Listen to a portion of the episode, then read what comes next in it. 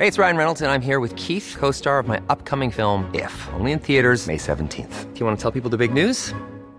All right, I'll do. it. Sign up now and you'll get unlimited for $15 a month in six months of Paramount Plus Essential Plan on us. Mintmobile.com slash switch. Upfront payment of $45 equivalent to $15 per month. Unlimited over 40 gigabytes per month. Face lower speeds. Videos at 480p. Active Mint customers by 531.24 get six months of Paramount Plus Essential Plan. Auto renews after six months. Offer ends May 31st, 2024. Separate Paramount Plus registration required. Terms and conditions apply if rated PG. Hold up. What was that? Boring. No flavor. That was as bad as those leftovers you ate all week. Kiki Palmer here, and it's time to say hello to something fresh and guilt-free. Hello Fresh. Jazz up dinner with pecan-crusted chicken or garlic butter shrimp scampi. Now that's music to my mouth. Hello Fresh. Let's get this dinner party started. Discover all the delicious possibilities at hellofresh.com.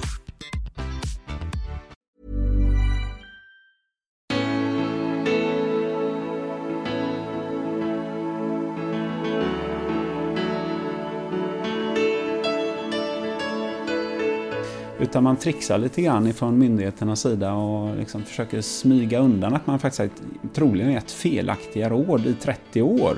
Och det här är ju en gigantisk folkhälsofråga för folk har ju ätit mindre mättat fett och de har ätit mindre kolesterol. Att inte äta kött det är inte av att det är bättre för hälsan utan ur mitt perspektiv är det tvärtom. Att äta rött kött är något av det mest hälsosamma du kan göra till eh, Kraft, Unilever, alla de här stora företagen. De tjänar inte pengar om, om Gunnar äter en, eh, en köttbit. De tjänar pengar om du äter en fake hamburgare istället med 15 ingredienser. När funktionsläkaren Peter Martin gästade podden förra gången så levererade han ett avsnitt som blev det överlägset mest lyssnade. Med tanke på innehåll och budskap kring hälsa och mat och hur vi faktiskt kan bota våra livsstilssjukdomar så är det fullt förståeligt. Många har ju faktiskt funderingar kring just detta. Nu är han på mångas önskan tillbaka för ännu en intervju. Tydligare, vassare och med en hel del tankar som milt sagt ger en annan syn på vad vi bör äta än en bild som media ger idag. Men innan vi börjar så ska vi presentera avsnittets sponsor. Dagens avsnitt sponsras av Life Genomics och Gendoktorn.se. Alzheimer är den vanligaste av våra demenssjukdomar som orsakas av att nervcellerna förlorar sin funktionsförmåga och till slut förtvinar i ett eller flera av hjärnans centrala områden. Sjukdomen, som vanligen debuterar vid 65 års ålder, är till viss del ärftligt betingad. Hos Life Genomics kan du genom ett enkelt blodprov testa dig för att se om du bär på en riskfaktor för att utveckla Alzheimer. Vad ska jag nu med den kunskapen till, undrar du? Jo, du kan faktiskt göra någonting åt saken och minska risken för Alzheimer. Nämligen genom att göra förebyggande livsstilsförändringar. Man har nämligen kommit fram till att förbättrad kost och motion i hög grad minskar risken för att sjukdomen bryter ut. Och då är det förstås bra att veta om du tillhör riskgruppen som har anlag för Alzheimer. Det är aldrig för sent att testa sig, men yngre medelåldern är optimalt för att få kunskap om den riskfaktorn. För mer information besök gendoktorn.se. På gendoktorn.se hittar du även våra andra genetiska tester såsom fostertest och anlagsbärartest. Tack Life Genomics och gendoktorn.se. Nu rullar vi! Peter Martin, Välkommen tillbaka till podden Spännande möten. Tack så mycket Gunnar. Du, sist vi sågs eh, i den här podden så hade vi precis startat. Och jag tror att du är avsnitt nummer sju. Eh, och nu sitter vi här på exakt ettårsdagen. Wow. Ja, wow. Ja, det är kul. Det är jubileum idag. Det blir eh, champagnen är kyld. Ja, ser fram emot det. Ja, men vi ska fira det med eh, dig som första gäst som återkommer i podden. Ja. Eh, för du är ju den överlägset mest lyssnade personen utav alla 50 som jag har haft under det här året. Oj, vad roligt ja. att höra. Mm. För jag räknade ut eh, precis innan du kom. 44 309 lyssningar har, har podden haft och du står för knappt 15% av dem. Wow! Ja, Ja, det det, är häftigt. var hedrande faktiskt.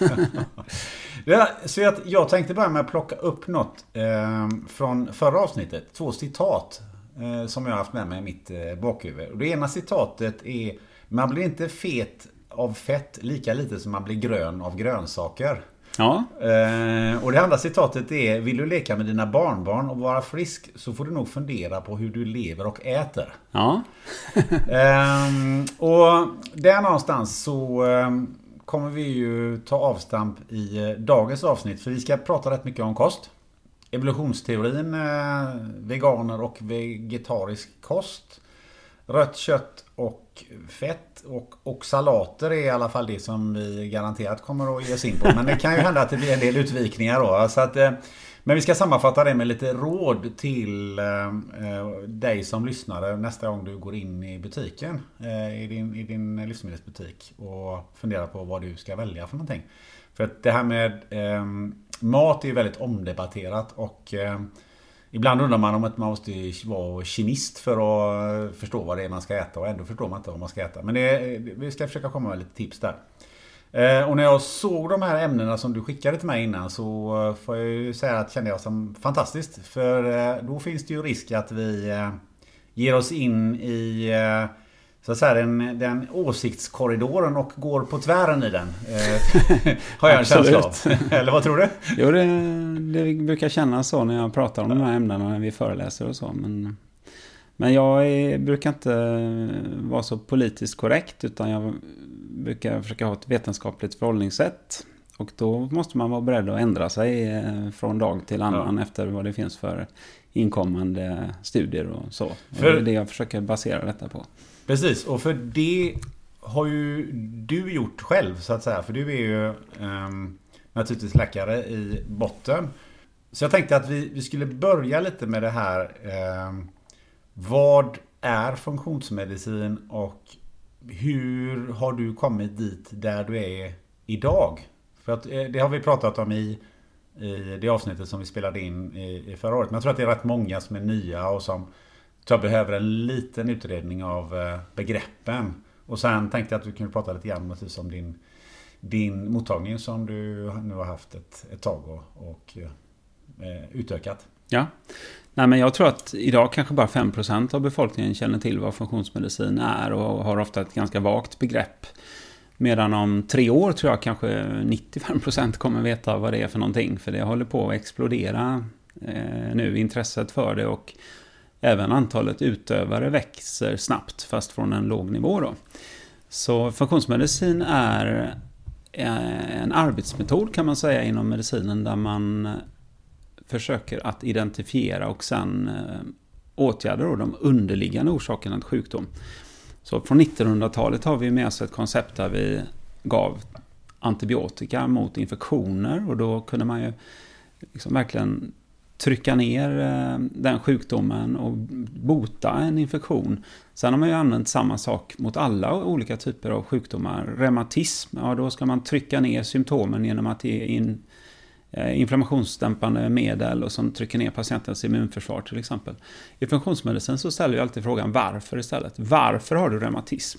Så försöker vi hitta underliggande orsaker till det och de ligger ofta, jätteofta ligger de i mag-tarmkanalen eftersom det är den största ytan mot omvärlden. Det är som en badmintonplan. Där sitter 75% av immunförsvaret.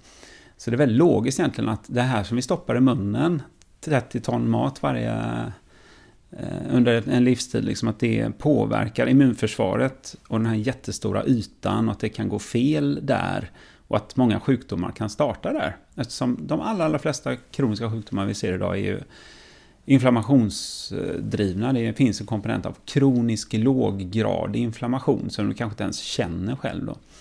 Så där, där kommer funktionsmedicinen till sin rätt för att och, och det, vi som jobbar med det ser ju att det här eh, kan vara lösningen på det som vi står inför när Vi ser hur vården håller på havererar nästan. Eh, dels på grund av en åldrande befolkning men också att andelen kroniska sjukdomar växer hela tiden. Så att om man tittar på vårdkostnaderna idag, så 80% av dem är ju drivna av kroniska sjukdomar. Och 80% av de kroniska sjukdomarna är kommer av vår livsstil och vår miljö. Det kommer inte av vår gener vi ärvt eller så. En del säger till och med 90% vissa studier. Så därför så har vi, av, av de 80 procent eh, av sjukvårdsbudgeten som är kroniska sjukdomar, kan vi påverka 80 procent. Det vill säga 64 procent kan vi påverka. Men vi gör inte det för vi lägger bara 3 procent av sjukvårdsbudgeten på förebyggande vård idag i Sverige. Eh, medan vi som jobbar med funktionsmedicin, vi jobbar ju verkligen med förebyggande vård. Vi försöker identifiera underliggande orsaker som har du problem med mag-tarmkanalen på något sätt? Har du fått näringsbrister? Har du en överväxt av bakterier in i din tunntarm eller en påverkan på din tarmflora? Har du eh, hormonstörande ämnen i din kropp? Har du tungmetallbelastning? Allt det där letar vi efter, tar massor med prover på våra patienter. Och eh, sen så kan vi då med hjälp av kost, med hjälp av att påverka livsstilen, minska stress, eh, få folk att sova bättre. Alla de här bitarna. När vi gör alla de här grejerna samtidigt med en patient under några månader så kan vi se helt fantastiska resultat. Hur de eh, läker ifrån sin sjukdom. Ofta så läker även andra symptom som astman de hade kan bara försvinna så att de eh, blir av med sin astmamedicin. Eller Pollenallergi kan försvinna, kattallergi kan försvinna. Eh, sånt där är jag tror inte det var sant först när jag upptäckte det, för nu har jag hållit på att jobba med det här i fem år på heltid, det som heter funktionsmedicin på egen mottagning. Men eh, nu är det nästan så jag blir förvånad om inte astman försvinner när vi behandlar någon. Så det, man blir verkligen bortskämd med fantastiska... det, det, låter ju som sån här Snake Oil, liksom. Köp min eh, Snake Oil här, den hjälper mot allt. Ja, just det. Det är gammal eh, hederlig reklam. Du, men, men, men, kan du bara ta kort, för det är ju det är väldigt många som eh, Framförallt inom läkarkåren och därmed då det som den traditionella läkarkåren kommunicerar. Eh, som ju inte säger det du säger utan, utan man, man löser det på det så kallade traditionella sättet genom att förskriva medicin. Men skulle du bara kunna ge en liten bakgrund till hur du själv eh, hamnade i det här? För det var inte så att du liksom bara råkade snubbla på något eller säga jaha, men det här är nog någonting jag ska fördjupa mig Utan det var ju, det var ju någonting som du själv var med om som, som gjorde att du faktiskt är där du är idag. Ja, och de flesta som jobbar med funktionsmedicin har, har tvingats dit av nöd, av eget lidande. Liksom, för att det, det, är väldigt svårt att ta sig från ett paradigm till ett annat, vad det än är för paradigmskifte. Och detta är ett paradigmskifte där vi går från den konventionella sjukvården som den ser ut idag Eh, och har gjort sedan 1900-talet då, till det vi nu ser när vi går mot mer eh, individanpassad eh, vård där vi tittar på grundorsaker och så. Och det som hände mig var att jag gick in i väggen stenhårt efter att ha hållit på med läkemedelsforskning i så 15 år. Så skulle jag bli distriktsläkare. Han bara jobbade med det i två år sedan. Sen ja, så smällde jag stenhårt in i en utmattning och blev, var sjukskriven i två år. Och då, ja, depression, ångest. Eh, mycket lidande faktiskt, mycket smärtor. Eh, men i alla fall, då la jag om kosten till lågkolhydratkost. Och sen eh, hittade jag funktionsmedicin, utbildade mig i USA 2014 och sen så startade jag min egen klinik för att då fattade jag att oj, det är ju så här, det här måste jag lära mig allt jag kan om. Och det har jag lagt min, all min vakna tid på sedan dess. Liksom. Så det är den korta historien och jag tror att vi pratade kanske ännu mer om det i förra avsnittet. Ja, precis. Det kan man ju titta på. Mm. Det kan man ju ge sig in i det där. Det, var en ganska, det är en ganska häftig bakgrund du har det där. Eh, och eh, vad jag förstår så är det ju du som läkare som är en av de mest svårövertygade personerna i det här sammanhanget. Ja. ja. jag brukar säga det, ju mer medicinsk utbildning man har desto svårare är det att fatta funktionsmedicin. För om man har inte utbildat sig inom den konventionella medicinen, då är det totalt fokus på vilken diagnos är det? Vilken diagnos? Vi ska sätta ett namn. Och sen så ska vi eh, ge rätt läkemedel vid just den diagnosen baserat på stora eller studier på läkemedel. Det ska vara evidensbaserat och så. Och det, vi brukar skoja och säga att vi kallar det för naming, blaming and taming. Naming är som vi sätter diagnosen, till exempel eh, du har reumatism. Det är reumatoid artrit, det är en diagnos. Det är naming och sen blaming, då skyller vi på den. Ja, det är för att du har reumatism som du har de här symptomen och som du inte mår bra. och taming då, det är att ja, då ska vi dunka ner ditt immunförsvar i skorna så att det inte attackerar din kropp längre. Naming, blaming, taming. Medan vi då istället ställer frågan varför och försöker komma åt inflammationen underliggande. Ja, men det, det har resulterat i att du har ehm, öppnat en mottagning och eh, eh, nu ehm, så ehm, nyligen så öppnade du ytterligare en mottagning eh, i Stockholm. Vi kan vi dra lite grann på hur, hur det här konceptet som du har börjat bygga upp, hur det, hur det funkar. För jag har förstått att det är en sorts franchise-koncept. Just det. Så nu har jag själv jobbat i fem år med detta och utvecklat en modell som det låter konstigt att kalla det världsunikt, men det är, ja, det är det nog på en del sätt i alla fall. Um, och, men sen har jag ju känt, trycket har ju varit jättestort. Det har varit hundratals patienter som har velat komma till mig då, när jag har jobbat. Från hela landet. Och då kände jag, hur ska vi snabbt utveckla detta? Ja, vi måste få fler läkare och annan vårdpersonal förstås. Men jag fokuserar ju på läkarna, liksom, för vinner man dem så vinner man de andra. Och läkarna är svårast också att vinna av eh, den anledningen vi pratade om förut. Men så då gjorde vi först att jag och en kollega, Jonas Bergqvist i Stockholm, vi startade upp en utbildning för läkare och legitimerad vårdpersonal som en sex månaders onlineutbildning på något som heter funktionsmedicinska vårdutbildningar. Så där har vi fler och fler läkare nu och omgång fem kommer starta i januari och just nu är det nio läkare som går den omgången som är nu och en andra det är sköterskor och naprapater och sådär också. Ehm, men då kände jag, hur ska vi snabbt få ut detta till folket så inte bara jag ska sitta där. För vi är bara, det finns ju bara ett par, tre läkarmottagningar till i landet. Förutom min då, så har det varit. Och vi behöver ju egentligen ha flera hundra om man ska få ut det här till folket. Och då kan man ju fundera på, ska man anställa hundra läkare då? När man har utbildat dem? Nej, det blir inte så lätt va? Då får man ju syssla med administration. Och därför kom vi in på att det här med franchise-konceptet är ju intressant. Och det finns ju inte så mycket i sjukvård. Men eh, ju mer jag har lärt mig om franchise, franchise så tycker jag det, det har verkligen sin skönhet. För att franchise går ut på, det är ju sånt som McDonalds, Pressbyrån, eh, 7-Eleven och det är många, många kedjor som är franchise. Eh, det är någon tar fram ett fungerande bra koncept och sen så vill man sprida det, ja, då ser man till att andra som är lite entreprenörsdrivna eh, köper in sig i det konceptet, det vill säga att de får använda hela konceptet som det är. Som i McDonalds får man köpa hamburgarna och eh, allt material och skyltar och allting liksom av McDonalds och så använder man det. det man vet att det fungerar och folk vet vad det är för någonting, de får en viss kvalitetsstämpel. Och likadant är det här. här. De läkarna som kommer jobba inom FunMed, de kommer jobba i ett eget företag, ett eget aktiebolag.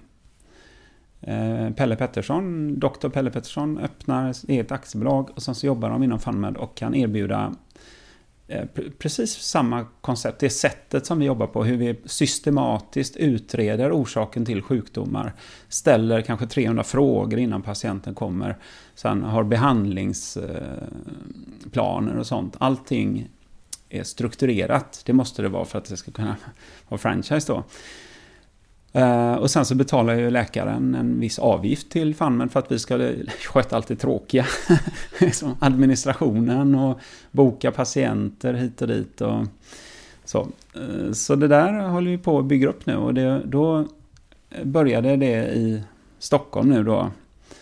Eh, har vi börjat bara för några veckor sedan här. Så det är jätteroligt med fler läkare som kommer in i verksamheten. När tror du att eh, vi eh, hamnar i det läget att vi eh, ser att det här finns på den, i den allmänna vården? Ja, det är en jättesvår fråga faktiskt. Jag, bara senaste månaden har jag haft möte med flera försäkringsbolag till exempel. Så där kan man ju se ett tidigt intresse. För dem, för dem handlar det bara om pengar och de ser att kan de jobba preventivt så kan de ju få ner Eh, Eh, sina kostnader på lång sikt då, för sina försäkringstagare. När det gäller den vanliga vården tror jag det kommer att dröja längre tid för där är det så mycket cementerade Ja, liksom. Landsting är ju allmänt kända för att vara inte den snabbaste eh, spelaren. Eh, men så jag tror att det kommer dröja, det, jag vet inte om det kommer dröja tio år eller om det kan gå lite snabbare. Jag tror att det kommer liksom börja smyga sig in både här och där. Och det märker vi på våra utbildningar. Så kan det ju vara flera stycken som kommer från en vårdcentral till exempel och vill utbilda sig. Och sen kanske de tar in det och börjar jobba lite grann med funktionsmedicin. Det innebär ju inte att det kommer någon finansiering från skatten, men det är, liksom, det är väl så det alltid börjar. Det börjar med små öar och sen så växer de ihop. Och sen tror jag inte, vi har ju inte, vi har ju inte varit ute och lobbat eller pratat med politiker och så. Det här är ju till syvende och sist en politisk fråga. Vad ska vi göra med skattepengarna? Är det vettigt att, att inte jobba förebyggande och att verkligen eh, ta hand om folks hälsa innan de blir sjuka. För det är nu som det är nu, så vi pumpar ju in massa miljarder, eh, som jag ser det, många gånger i onödan. Folk hade inte behövt bli sjuka om de hade fått bara... Till, till viss del handlar det bara om en, en vettig information. För nu tycker jag kunskapen om kost till exempel är väldigt låg ute i samhället. Även hos läkare som bara läser 12 timmar nutrition under, tre, fem, under fem och ett halvt års utbildning.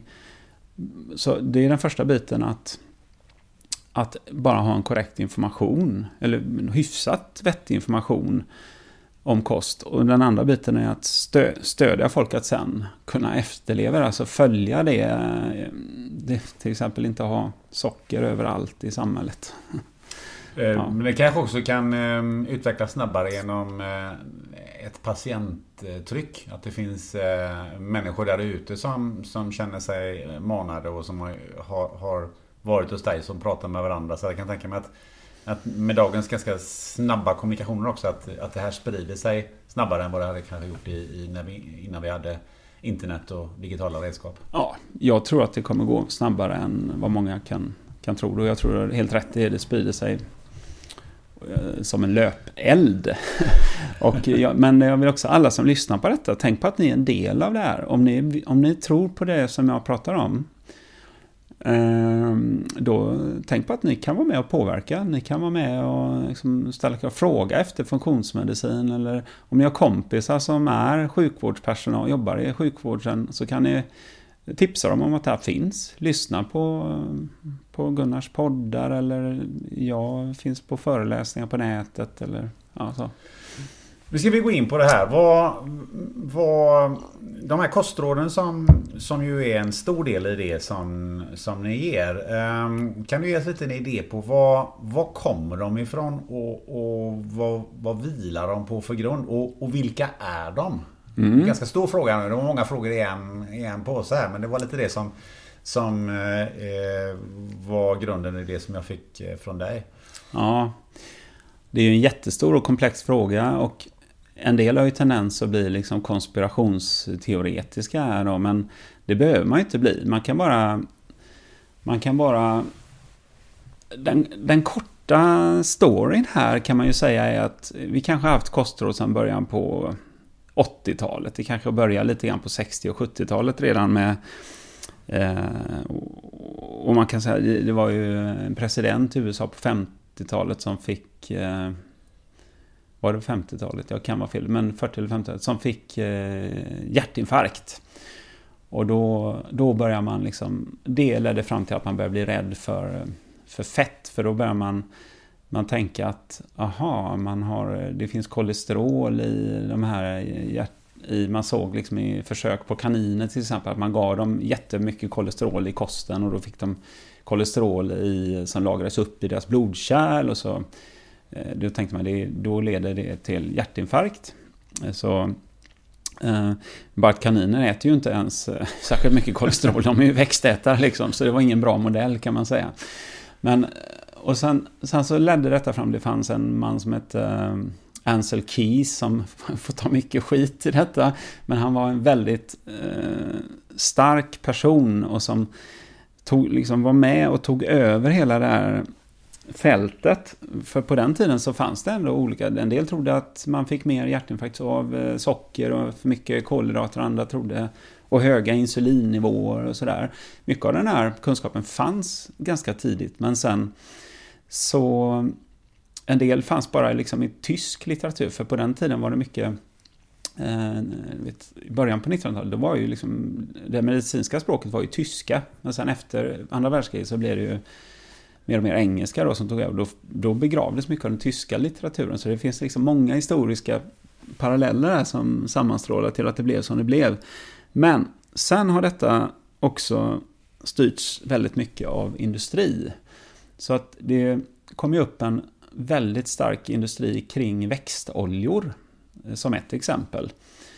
Eh, vi har sockerlobbyn, där det finns liksom bevis för att sockerlobbyn har varit med och sett till att man har kommunicera på ett sätt där det var inte socker och kolhydrater som var farligt, utan det var fettet som var, som var farligt. Eh, den här växtoljeindustrin är ju gigantisk och har varit det och som har sett till att vi från att tidigare ha ätit väldigt mycket fett i form av kanske eh, talg och ister och smör och så, så har man gått till att vi ska äta med olika växtoljor. Då pratar jag om sojaolja, majsolja, solrosolja och sånt.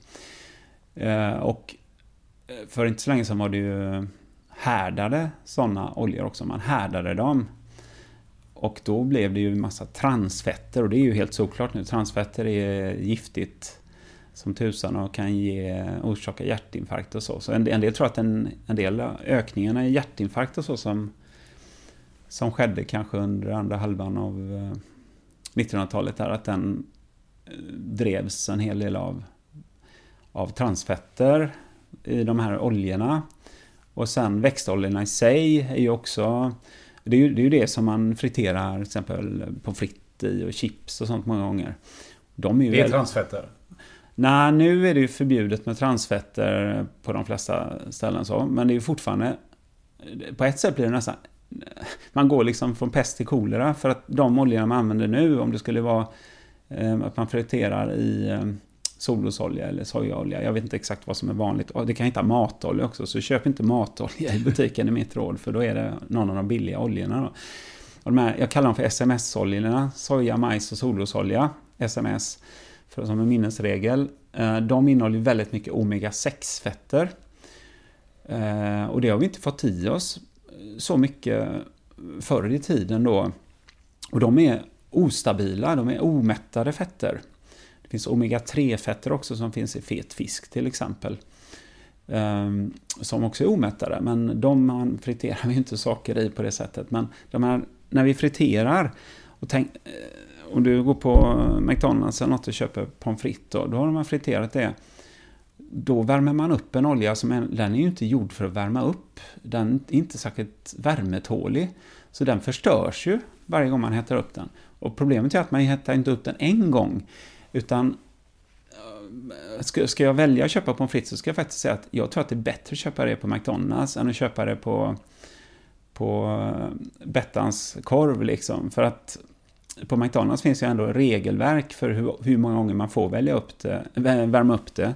Men om du skulle köpa pommes frites någonstans ute på, det kanske du har gjort någonstans på någon korv eller något, de kan ju värmt upp det en hel månad, haft samma olja och den blir ju liksom härsken till slut. Har du, jag tror många kan känna det ibland när man äter någon pommes frites, man kan känna att det här smakar inte riktigt fräscht. Och då är det inte fräscht heller, och då är det, det är som att stoppa ett gift i kroppen. Och håller man på med det lång tid, då driver du inflammation i din egen kropp då. Nu minns jag knappt var vi började den här diskussionen. Men Nej, vi ska komma, är... jag ska ta det tillbaka till det där vi började. Men, det är din men, jag måste, men jag måste flika in i eh, en, en, en, en fråga till som alla ställer sig nu när du, när du har sagt här. Eh, mättade och omättade oljor och fetter. För att det du sa nu var ju att detta var då eh, Omega 3 och Omega 6. Eh, och man har ju alltid lärt sig att mättat fett ska man inte äta. Utan det ska vara eh, fleromättat eller omättat fett. Mm. Nu säger du precis tvärtom. Du måste bara ge en liten förklaring till det. Ja, just det. Nej, men det är och det där är superintressant. Om, om vi backar tillbaka till eh, kostråden där då, så... Och vi kan backa ända till kolesterolet då. Då är det så här. Eh, min svärmor som har varit företagsläkare i många år, hon är 80 år nu, är jätteduktig doktor så, men hon, hon har ju levt i det, den tiden när man skulle ge råden att ät inte ost, ät inte äggula för det är massa kolesterol i det. Ehm, så det, och det har jag, du och jag har ju växt upp med det under vår livstid. Liksom det, och fortfarande. Det ska vara lättprodukter. Så det ska inte innehålla mättat fett, utan det men däremot så, så skulle det vara något annat, det blir mer socker då. Men, men eh, med kolesterolet då, så är det så här, det här som man nu, det har man kommunicerat, jag kommer inte, vet inte om det är 30 eller 40 år det här med att inte äta kolesterol. Och det var där vi började med kaninen och allt det. Och risken för hjärtinfarkt. Så. Nu har man helt enkelt tagit bort det. För att när man börjar titta verkligen man pressar på och säger men vad är det vetenskapliga underlaget? Så ser man det finns ju inget vetenskapligt underlag som stödjer det. Så i princip i 30 år har folk inte ätit kolesterol. Och ätit eh, statiner? Och, ja, ja, och Eller? ätit statiner, men det, gör, det får de fortfarande, alltså som är kolesterolhämmande läkemedel. Men nu har man tagit bort det, om man tittar i USA, jag tror det var, jag kan ha fel, men 2015 ungefär. Men inte ett knyst om det. Man säger ingenting om att man har tagit bort rådet. Rådet finns inte där längre. Man har bara smugit bort det. Och det säger lite grann om när vi pratar om kostråden då. Att eh, de vilar på oerhört bräcklig grund. Det, vi kan gå in på det sen, men du hade en fråga om mättat fett också. Då kan man säga, när det gäller mättat fett och risken för hjärtinfarkt så, så är det ju varit, förut har det ju varit nästan cementerat att ja, men så är det. Liksom. Mättat fett är farligt. Nu när man börjar verkligen titta på alla studier som finns så ser man att när myndigheterna har tagit sina beslut så har de inte tagit hänsyn till alla studier som finns. Dessutom har det kommit många nya studier på sistone här då. Och det finns andra som kan alla detaljer kring detta bättre än jag, men den stora bilden är att nu håller man ju på att backa bort från att liksom, det mättade fett, kostråden kring mättat fett också, att det inte heller är särskilt farligt. Det är kanske inte backat hela vägen än, men det kommunicerar man ju inte heller då. Utan man trixar lite grann ifrån myndigheternas sida och liksom försöker smyga undan att man faktiskt har troligen gett felaktiga råd i 30 år. Och det här är ju en gigantisk folkhälsofråga, för folk har ju ätit mindre mättat fett och de har ätit mindre kolesterol. Vad har de ätit istället? Ja, man hade någonting som heter, eller ja, vi kan fortfarande nyckelhålsmärkning från Livsmedelsverket. Det finns en kvinna som heter Ann Fernholm som skriver böcker om eh, socker framför allt och är jätteduktig och driver Kostfonden som forskar på kost, eh, gör fantastiska koststudier som kommer påverka kostråden. Hon har läst, jag läste någon eh, artikel av henne någon gång där hon hade hittat, liksom, ända fram till 2005 fanns ju nyckelhålsmärkt glass.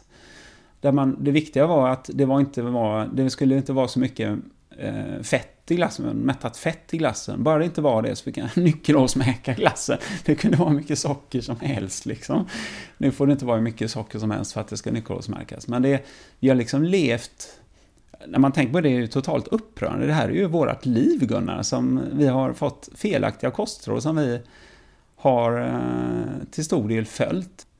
Innan vi går vidare på lite mer på vad det här eh, vilar, för det har vi varit inne på nu att man har kommit fram till att eh, det här med mättat fett då inte är farligt. Men jag måste ändå fråga kring det här med kolesterol. För det är ju faktiskt någonting som fortfarande när man pratar med läkare säger att man ska äta kolesterolsänkande medicin. Och det är väldigt många människor i Sverige som, som gör det. Som heter statiner. Eller statiner. Mm, statiner. statiner. Um, jag måste bara fråga dig i anslutning, anslutning till det här. Är det egentligen en totalt onödig medicin att äta? Jag tror att det finns ju de som har viss nytta av statiner, men de är oerhört mycket färre än vad det medicinska etablissemanget eh, Eh, tänker när de förskriver det då. Så, för det, det finns ju någonting som heter och jag, jag, är inte någon superexpert på det. Jag, jag har följt detta området i flera år och jag lyssnar på dem som är, är, experter på det. Så min bild är ju mer, fast den är mer lite övergripande då, att det finns något som heter numbers needed to treat. Alltså hur många patienter ska du behandla för att en till exempel inte ska dö? Och de siffrorna är ju jättehöga för de flesta olika grupper då. Så till exempel för kvinnor så finns det nästan ingen som har nytta av statiner. Det skulle möjligen vara någon som har haft, de som har haft hjärtinfarkt eller stroke eller sådär. Eh, och jag vet att jag tittade på det här någon gång. Eh, och det, det, till exempel vid stroke, jag hade någon släkting som hade fått stroke. Och jag, ja, min känsla är att det var typ så här.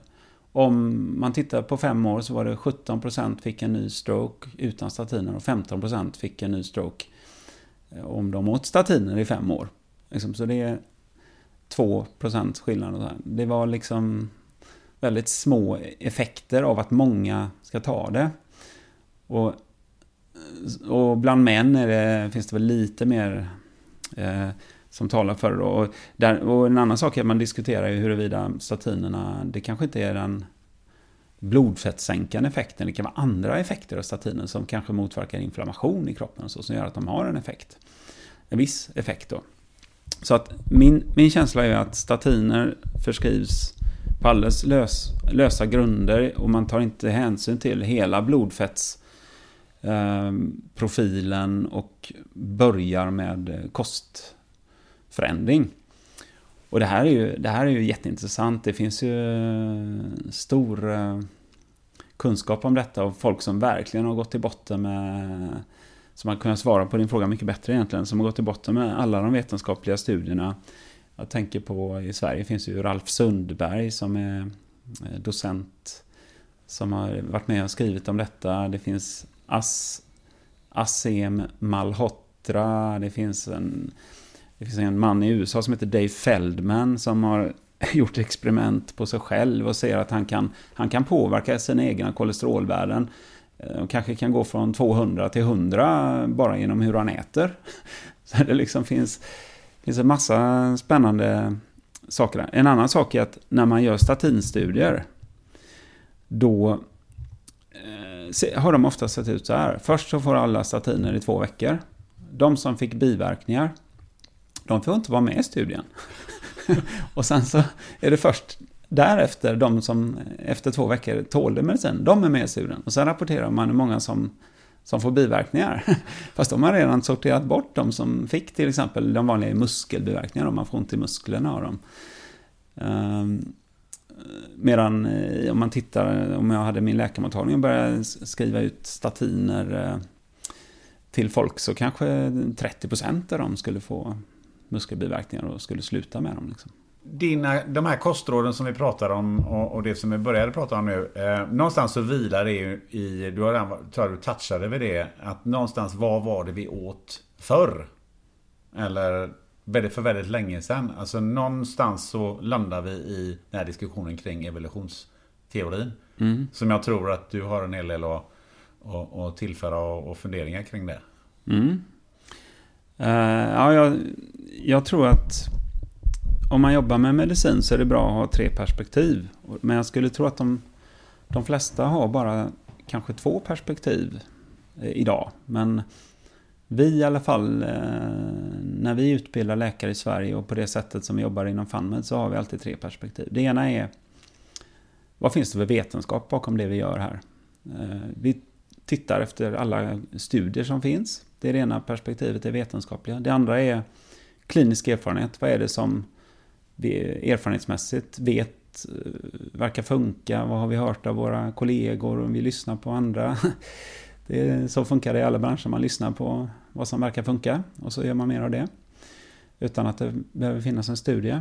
Eh, och det tredje är det evolutionära perspektivet. Vad är vettigt att tänka? Vad är våran art? Vi ser ju människan som en djurart, Homo sapiens. Och den tillhör både du och jag. Vi har liksom samma grund där var kommer vi ifrån evolutionärt? Det är precis som på zoo, man kan inte ta, ge lejonen gräs liksom. De kommer inte att må bra och överleva. Nej, de är köttätare. Det vet, det vet vi alla som man tittar på ett naturprogram. Ehm, och likadant är det med människan. Vi är en viss kost, vi har en viss dygnsrytm. Vi är, vi är inte natt, vi är nattdjur, som man kan tro ibland när man pratar med ungdomar. Eh, och sen, eh, vi har en, en, social sammanhang, vi lever i mindre eh, grupper som jägare och samlare då, har det ju varit under större delen av evolutionen. Så människan kanske blev upprättgående för 5 7 miljoner år sedan. och började liksom stå upp. Och då trodde man att, en del tror ju då att det berodde på att eh, då fanns det så hög, hög eh, skogarna försvann då i kanske Östafrika och så, och så blir det mera höga grässtäpper och då var man tvungen att stå upp för att titta upp över gräset för att se någonting liksom. Och det fanns inga träd att klättra i längre, så att vi förlorar ju liksom våran klättringsförmåga som aporna då har kvar. Så att vi skilde oss från aporna och kanske schimpansen som är vår närmsta eh, släkting, eh, ja, ungefär kanske 7 miljoner år sedan, något sånt. Och sen har vi ju våra föregångare då, våra anfäder i till exempel Homo habilis 2,5 miljoner år sedan och Homo erectus ungefär 2 miljoner år sedan. Och där kommer ju också, det, ja det äldsta verktyget tror jag man har hittat är 3,3 miljoner år. Så vi har ändå hållit på med verktyg länge. Och, och eh, i början i början där, det kanske är, jag vet inte, kanske är två och en halv miljon år sedan. Det här är ju förstås, det finns ingen exakt forskning, man har hittat benbitar och stenbitar och sånt. Det är det det är baserat mycket på. Men, eh, och lagt pussel. Men då, i början så tror man ju att människan var asätare. Det låter ju inte så trevligt när vi sitter där på en eh, trestjärnig Michelin-restaurang och tänker att vi är egentligen asätare. Men eh, ska man titta på det rent krast utan att liksom tänka på att det kan låta äckligt, så är det så att människan, vi var inte så smarta, vi var kanske inte så duktiga på att jaga i grupp och så. Så vi kanske sprang fram efter ett lejon hade fällt ett byte och så knackade vi upp eh, ben, eh, rörbenen, stora rörbenen, för vi hade sten, stenverktyg. Och det finns det ju massa, massa i Afrika då, som sådana sten, högar med stenverktyg som ligger sedan eh, alltså miljoner år tillbaka. Knackade upp benpiporna, åt benmärgen. Den är ju väldigt fett. Mycket fett i benmärg för er som någon gång har kokat benbuljong och liksom köpt som märgben. Så det är verkligen en av människans verkliga ursprungliga kost. En annan sak är att vi kunde knacka upp skallarna på de här djuren, så vi käkade hjärna. Och det är ju nästan tabu idag. Om man börjar prata med det, för där pratar jag med mina patienter om, inte att de ska äta hjärnan, för det är ju fortfarande tabu. Eh, men det finns en logik i det för att vi pratade om omega-6 och omega-3 förut. Då kan vi ju bara göra en liten utvikning där kanske att människan kan ju inte själv göra omega-3-fetterna då som är jätteviktiga för våran hjärna. Till exempel, om man tänker, om man tänker våran hjärna så, och då tar du bort allt vatten ur den, så har du torrvikten på den är 8% av den torrvikten är ett omega-3-fett som heter DHA. DHA. Det finns ett annat som heter EPA också. Som... Men 8% är DHA, det är jättemycket av vår hjärna. Och det är ett ämne som vi inte kan göra i kroppen, det måste vi få i oss utifrån på något sätt. Eh och då, vad tänker du då Gunnar, var ska man få DHA ifrån eh, i din, i din kost idag? Vad skulle du få omega-3-fetterna ifrån? Det vet jag faktiskt inte riktigt. Fet fisk är ju det. Som du äter liksom lax och, och makrill och sånt. Då får du ju fetfisk, omega-3-fetter. Och det är för att fiskarna, eh, det är ju, de lever ju i lite kallare vatten så de måste ha mer omega-3 för liksom fetterna för att kunna röra sig i kallare vatten. lite så. Men i alla fall, då men så jag, jag själv landar i det här att varför har vi inte en kropp som kan göra denna viktiga substans? Antagligen för att vi alltid ätit hjärna. Vi har alltid ätit upp. Vi har varit jägare i, jagat i två miljoner år och vi har käkat hjärna i lika länge liksom. Det har inte varit något konstigt. Idag känns det jättekonstigt för de flesta. Men det har inte varit något konstigt. I Frankrike får man ju, kan man ju få hjärna om man inte kan franska och råkar beställa någonting som man inte vet vad det är kan det ju vara hjärna. Liksom. Det har hänt min svägerska till exempel. Nej, men så att det här är, det visar liksom på, på en evolutionär anpassning. Sen kanske vi har känt till elden är... Man måste bara fråga, ja. finns det något annat sätt att få i sig de här omega-3-fetterna förutom fisk och hjärna? Ja, då kan vi ju dra den tråden hela vägen ut då. Du kan få i dig eh, ytterligare en tredje omega-3-fett som heter ALA. Så det funkar så att ALA omvandlas i kroppen till EPA, som är ett omega-3-fett också. Och som i sin tur omvandlas till DHA. Så ALA, EPA, DHA. Så om man är vegan till exempel, då äter man ju inte fisk, eller gärna för den delen. Och inte något eh, annan djurdelar. Och då får man i sig omega-3-fetter. Många tar ju till exempel linfröolja då. För det är mycket ALA i det. Det är bara det att den omvandlingen är väldigt krävande. Och det, om du tänker omvandlingen från ALA till DHA, det här som är en stor del av hjärnan. Det sker ju bara till kanske eh, 2-5 procent, något sånt där, av ALA som blir DHA. Så det, och det är också genetiskt styrt av en gen som heter FADS2 tror jag. Men då, det vill säga du får ha tur om du ska vara en som är bra på att göra om linfröoljan till eh, sånt fett du behöver i din hjärna. Om du inte känner till din gen, genetik. Och det är kanske 30% eller något som är dåliga på att göra det här. Dessutom krävs det jättemycket olika näringsämnen. Eh, för att göra den här omvandlingen. Så, och dessutom är det så att linfröolja kan vara inflammatorisk i sig. Det är ingenting som vi... Jag har sett forskning som visar att det kan skada synen till exempel om man börjar äta flera matskedar linfröolja varje dag. Jag har haft patienter som har gjort det och så jag har letat upp studier bakom det. Men ja. Eh, så det här, jag tycker det här är superviktigt och som visar också att om man tittar evolutionärt eh, kring kosten att eh, vi är inte anpassande att äta vegankost och det ska vi, det ska vi kanske prata mera om sen. Eh, för att eh, vi har alltid varit, det finns inga populationer man känner till som har ätit vegansk mat.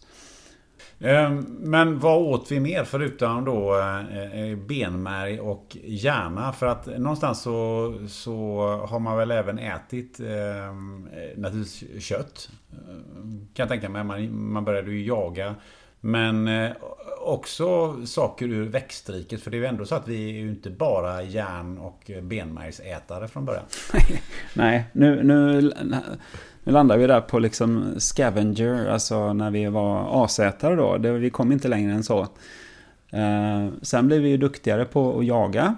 Eh, och att jaga i grupp säkert. Och vi började kasta spjut och så. Vi är ju det enda djuret som har en axelled som kan kasta, så att vi kan kasta med precision.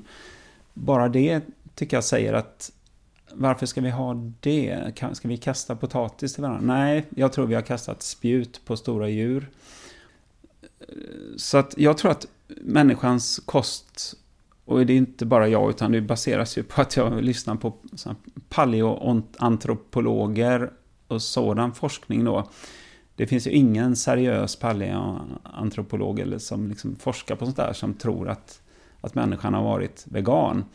Vilket förs fram ibland i vissa ja, mediabudskap och filmer och annat.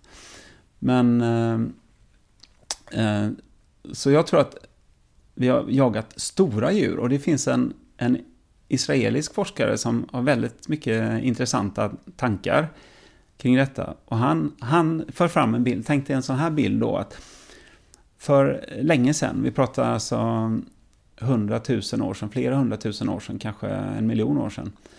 Då fanns det en megafauna. Eh, ja, det fanns ju för hundratusen år sedan. Liksom, och ännu senare. Megafauna, alltså jättestora djur. Vi kan inte ens tänka oss hur den världen såg ut. Det fanns i USA, i Nordamerika fanns det jättestora djur och alla de försvann eh, i takt med att människan koloniserade kontinenten. Likadant i Australien även här i Europa. Vi hade mammutarna, känner ju alla till, som ett stort djur då, som, som har försvunnit. Och det man tror är att, det, det kan absolut vara klimatförändringar och sånt som påverkar det också, men det man tror är att människan har varit en väldigt effektiv jägare. Och att det har funkat så här att vi har i grupp kunnat jaga sådana stora djur, för de, de springer egentligen inte iväg. Eh, de är ju inte liksom snabba på att springa iväg som en gasell hade gjort eller någonting, utan de ställer sig mer och försöker försvara sig. Och då har människorna kunnat, kasta sina spjut liksom. Och, eller drivit dem över någon eh, klippa eller någonting, eller byggt fällor eller något sånt där. Och sen har man tänkt sig att människan alltså fällt ett sånt djur. Det kan ha varit en stor mammut eller en i Afrika fanns det ju elefanter som var tre gånger så stora som de elefanterna som är nu. Alltså en elefant idag väger fyra ton, men de vägde 12 ton på den tiden. Fälla en sån, ett sån elefant och sen käkar vi elefant i en månad. Fattar du? Då är vi också liksom, det, är, det blir mer och mer asätare då. Men det födde ju en hel stam där då. Och ehm, en sak, en anpassning till det levnadssättet som man ser är att människan har de facto den suraste magsäcken av nästan alla djur vi känner till. Vilket eh, talar för att vi just är asätare. Vi liksom kan äta saker som är väldigt dåliga egentligen då. Mm, alltså det kan vara kött som är fermenterat. Och nästan alla ursprungsbefolkningar vi känner till, de håller ju på med sånt. Fermenterat kött det, det, finns till exempel på Island något som heter pissehaj, brukar man kalla. De, de eh, gräver ju ner, eh, fiskar upp en haj, gräver ner det på stranden och så kissar de på den platsen. Och sen går de dit, jag vet inte, jag har ju aldrig varit på Island än, så går de dit en månad senare något och gräver upp den här och så äter de den. Det låter ju lite som surströmming då va. Så det här, hela det här konceptet är ju, ja, känsliga lyssnare kanske ska stänga av här då, men jag försöker bara beskriva eh, vad en del av den här forskningen visar då. Jag tycker vi måste förklara, försöka förklara varför är människan som den är och vad kan den anpassningen vara? För att om man tänker en sur magsäck, alltså vi har ju massor med saltsyra i vår magsäck när maten kommer ner där då det kostar jättemycket energi. Det, alltså, vi ska skapa en jättesur miljö mitt inne i vår kropp. Det kostar massor med energi. Det finns inte en chans i världen att kroppen hade fortsatt göra det om de inte hade behövt göra det. Så om man bara jämför då. Människan har kanske ett pH mellan 1 till 2. Det är supersurt alltså. Det är saltsyra i sin magsäck. En en eh, köttätare kanske har två till tre, en som bara äter liksom vanlig köttare, vi pratar lejon och sådana. Och sen har du en eh, allätare. eh, de kanske har tre till fyra och sen en växtätare kanske fem till sex i sin magsäck. Så det är en anpassning till att man ser att vi, är, vi har ätit mycket kött och kanske till och med dåligt kött liksom som är fermenterat. Ja. Ehm, men om man tittar på, på ehm, det här då. Hur, ehm, hur, hur står det sig ändå i förhållande till att vi eh, då äter mer och mer eh, vegetariskt? Och, och någonstans så, så är det väl så att vi ändå har kompletterat upp den här kosten som du nu eh, beskriver här. Med frukt, bär, nötter och sånt där. För det, det finns ju ändå bevis på att man har att man även satte i sig det för hundratusen år sedan. Jo då, absolut. Jag kommer liksom inte dit. Jag Nej. landar på de här storviltjägarna. Men absolut, människan är ju... Om man tittar på mag-tarmkanalen så är den ju... Den är ju inte lik en uh, gorillas eller en schimpans på det sättet. Eller gorillor är ju rena växtätare då. De är bara en stor jäsburk, magen här liksom. Med en stor tjocktarm kan man säga. Medan vi, den, våran tjocktarm där bakterierna är som ska bryta ner växter och så. De, har ju minskat och vår tunntarm där man mer kan ta hand om kött och sådana bitar har ju ökat under vår evolution. Och dessutom så har vi ju en galla, gallblåsa med galla som ska bryta ner fett och så. Det betyder på att vi har ätit mycket fett också, vilket inte växtätarna gör, för det finns inte så mycket fett i gräs liksom. Men absolut, så under, under evolutionen så, många tror då att det har varit så här, vi har kanske, vi har framförallt varit jägare, tror eh, många forskare då, och levt på det när det har funnits. Och sen har vi hittat honung i naturen, så har vi bara käkat honung som tusan. Vi är ju, vi är ju genetiskt riggade att bara gå på eh, kalorier, alltså mat med höga kalorier. För det ökar ju överlevnaden. Och på den, det var ingen, ingen chans att vi hittade så mycket honung så att vi skulle bli feta liksom. Och sen så har vi grävt upp eh, olika rötter och rotfrukter Som antagligen inte ser ut lika aptitliga som de vi hittade i butiken. Men eh, de har man gjort och så har man haft elden och i kanske en miljon år så vi har kunnat koka saker eh, också eh, när det har behövts då. Och sen har vi ätit bär när de har, alltså icke giftiga bär i naturen, när de har varit mogna. Vi har ätit frukter när de har varit mogna. Men inte ens i Afrika är det så att det, du kan gå och plocka frukter och så året runt. Dessutom de frukterna som, som schimpanser äter till exempel, eller, eller de som finns ute i naturen naturligt. De, tänk inte på ett mangoträd nu som människan har, eller, eller bananerna liksom som vi har i vår butik, för det, det, finns inte i naturen. Nej, de är ju ganska sura och bittra och inte så mycket socker i, bara lite lagom socker i kanske. Så att det var ju något helt annat än det som vi tar för givet nu. Så när jag är inte alls med på den här tanken att åh, vi måste äta fem frukter varje dag. Ja, nej, inte de frukterna vi har i alla fall. Men det är ju en påse socker i princip. Som är, vi är jätteduktiga på att se till att växter blir som vi vill ha dem. Eh, så, så det här med att, också när man säger vi måste äta mera gröna blad och så. Jag är ju, och grönsaker och så, jag vet inte om vi ska hamna där också. Eh, då, det, det, finns ju en del bra näringsämnen där i, ja visst. Samtidigt, om man, om man bara ställer sig den evolutionära frågan, hur mycket gröna blad åt vi i, ute i naturen då när vi, när vi utvecklades i Afrika då? Det var ju ända tills fram tills för kanske 70 000 år sedan, då fanns vi inte utanför Afrika. Liksom. Jag bara tänker nu, om jag åker, alla världsdelar jag har varit i, var någonstans skulle jag tänka mig att, om men här ska jag käka lite gröna blad ute i naturen. Eh, jag har inte träffat någon som, som går igång på den tanken att man ska äta vilda gröna blad ute i naturen. Så jag tror inte att människan har ätit så mycket gröna blad. Jag tror inte det tillhör vår evolutionära historia, annat som kanske i form av kryddor, i form av att man är avkokbara som, som mediciner. Det tror jag absolut. Och kanske i någon gryta, att man har i någonting sådär. Jag, eh, men att liksom äta en stor eh, tallrik med gröna blad Nej, så jag är liksom tveksam till den, den eh, tanken. Och det kopplat till att den näringsforskningen vi har idag är, vilar på så otroligt dålig grund. Liksom, det är uselt helt enkelt. Så vågar jag inte lita på att de råden vi får från våra myndigheter eh, är säkert kloka. Men vad det kom, hur har vi då egentligen kommit fram till de grönsakerna som vi odlar idag? För någonstans så måste vi ha kommit på idén att ta de här gröna bladen som växer någonstans och så fräda dem och låta dem gro och bli större och bättre och, och finare. Och så börjar vi äta dem i någon större utsträckning. Alltså någonstans måste vi kommit på den idén att göra det. Ja, visst. Nej men det, jag menar, vi kom ju på idén med jordbruket så för 10 000 år sedan kanske. En del, en del tror att det kanske berodde på att andelen stora djur eh, minskade helt enkelt på jordklotet. Det var inte lika lätt att eh, liksom försörja sig på de här storviltjakten som vi höll på med. Det har varit en gradvis förändring förstås. Men så då kom jordbruket och då började vi plantera eh, frön, sätta frön och så åt vi avkastning av det. Så det, det förändrar ju hela sättet som vi har. Det har varit väldigt framgångsrikt. Liksom, eh, Eh, man tänker kalorimässigt har vi fått fram jättemycket kalorier. Vi har kunnat föda en stor, stor befolkning.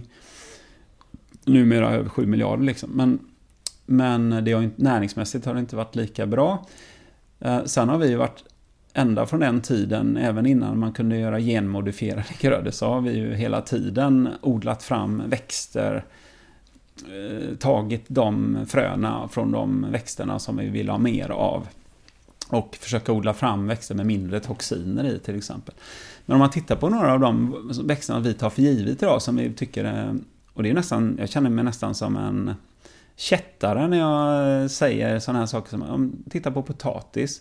Om man, potatis har ju bara funnits i västvärlden sedan Columbus i princip. Innan dess den kom ju från Sydamerika. Liksom även eh, paprika, chili, aubergine, tomat. Alla de kommer därifrån. Men de flesta växter är ju giftiga från början i naturen. Så jag lyssnar på en man som heter Bill Schindler. Han är antropolog. Han åker ut till olika urbefolkningar och äter med dem. Så han och kollar hur de gör och kollar vilka verktyg de använder.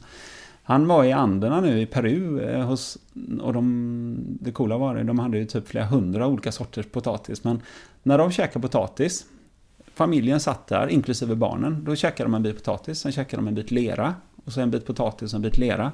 Det är för att potatisen är giftig, om de inte äter leran så blir de sjuka.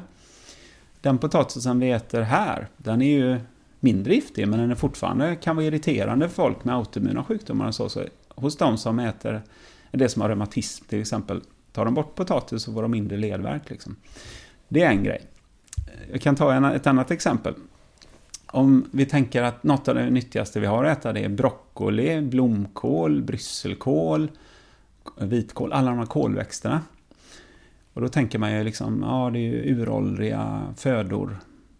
Nej, det är det inte. De fanns inte innan 1500-talet. Liksom. Det kommer från en senapsväxt som man har sedan odlat fram väldigt framgångsrikt. Får fram mindre giftiga varianter av, eh, av växter som vi kan äta och som kan ha vissa positiva effekter för oss. Men eh, de kommer, det är inte naturliga växter i naturen så. Liksom, så det här med att äta grönsaker i naturen.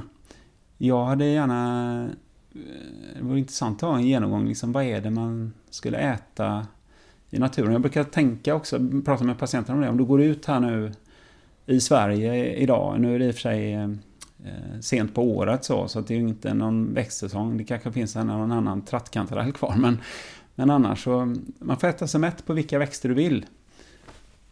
Ja, det går ju inte va? Det, du skulle bli sjuk om du försökte äta dig mätt på växter.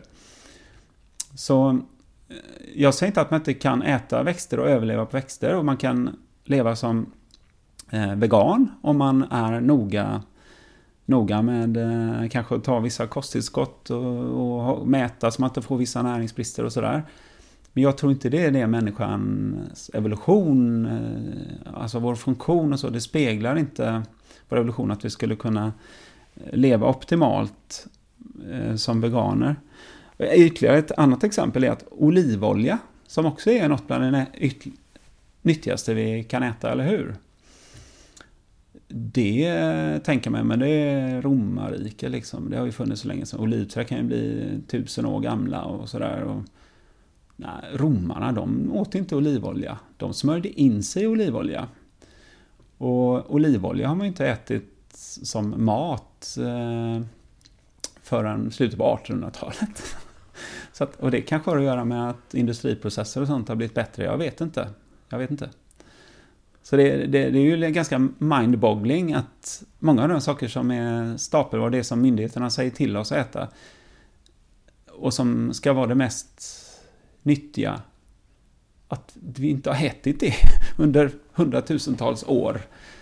Ja, det, det, där är ju oerhört intressant. Men nu har du ju varit inne på det här med, med, med veganer har nämnt några gånger här och, och, vegetarisk kost. Men vad är då eh, riskerna eller nedsidorna med att eh, gå över till en vegansk eller en helt vegetarisk eh, kost? För det är, ju, det är ju oerhört mycket på tapeten nu. Vi ska ju rädda världen genom att bli eh, veganer och så sitter du här och säger att eh, Ja men det har vi aldrig, vi har aldrig livnärt oss på det sättet överhuvudtaget.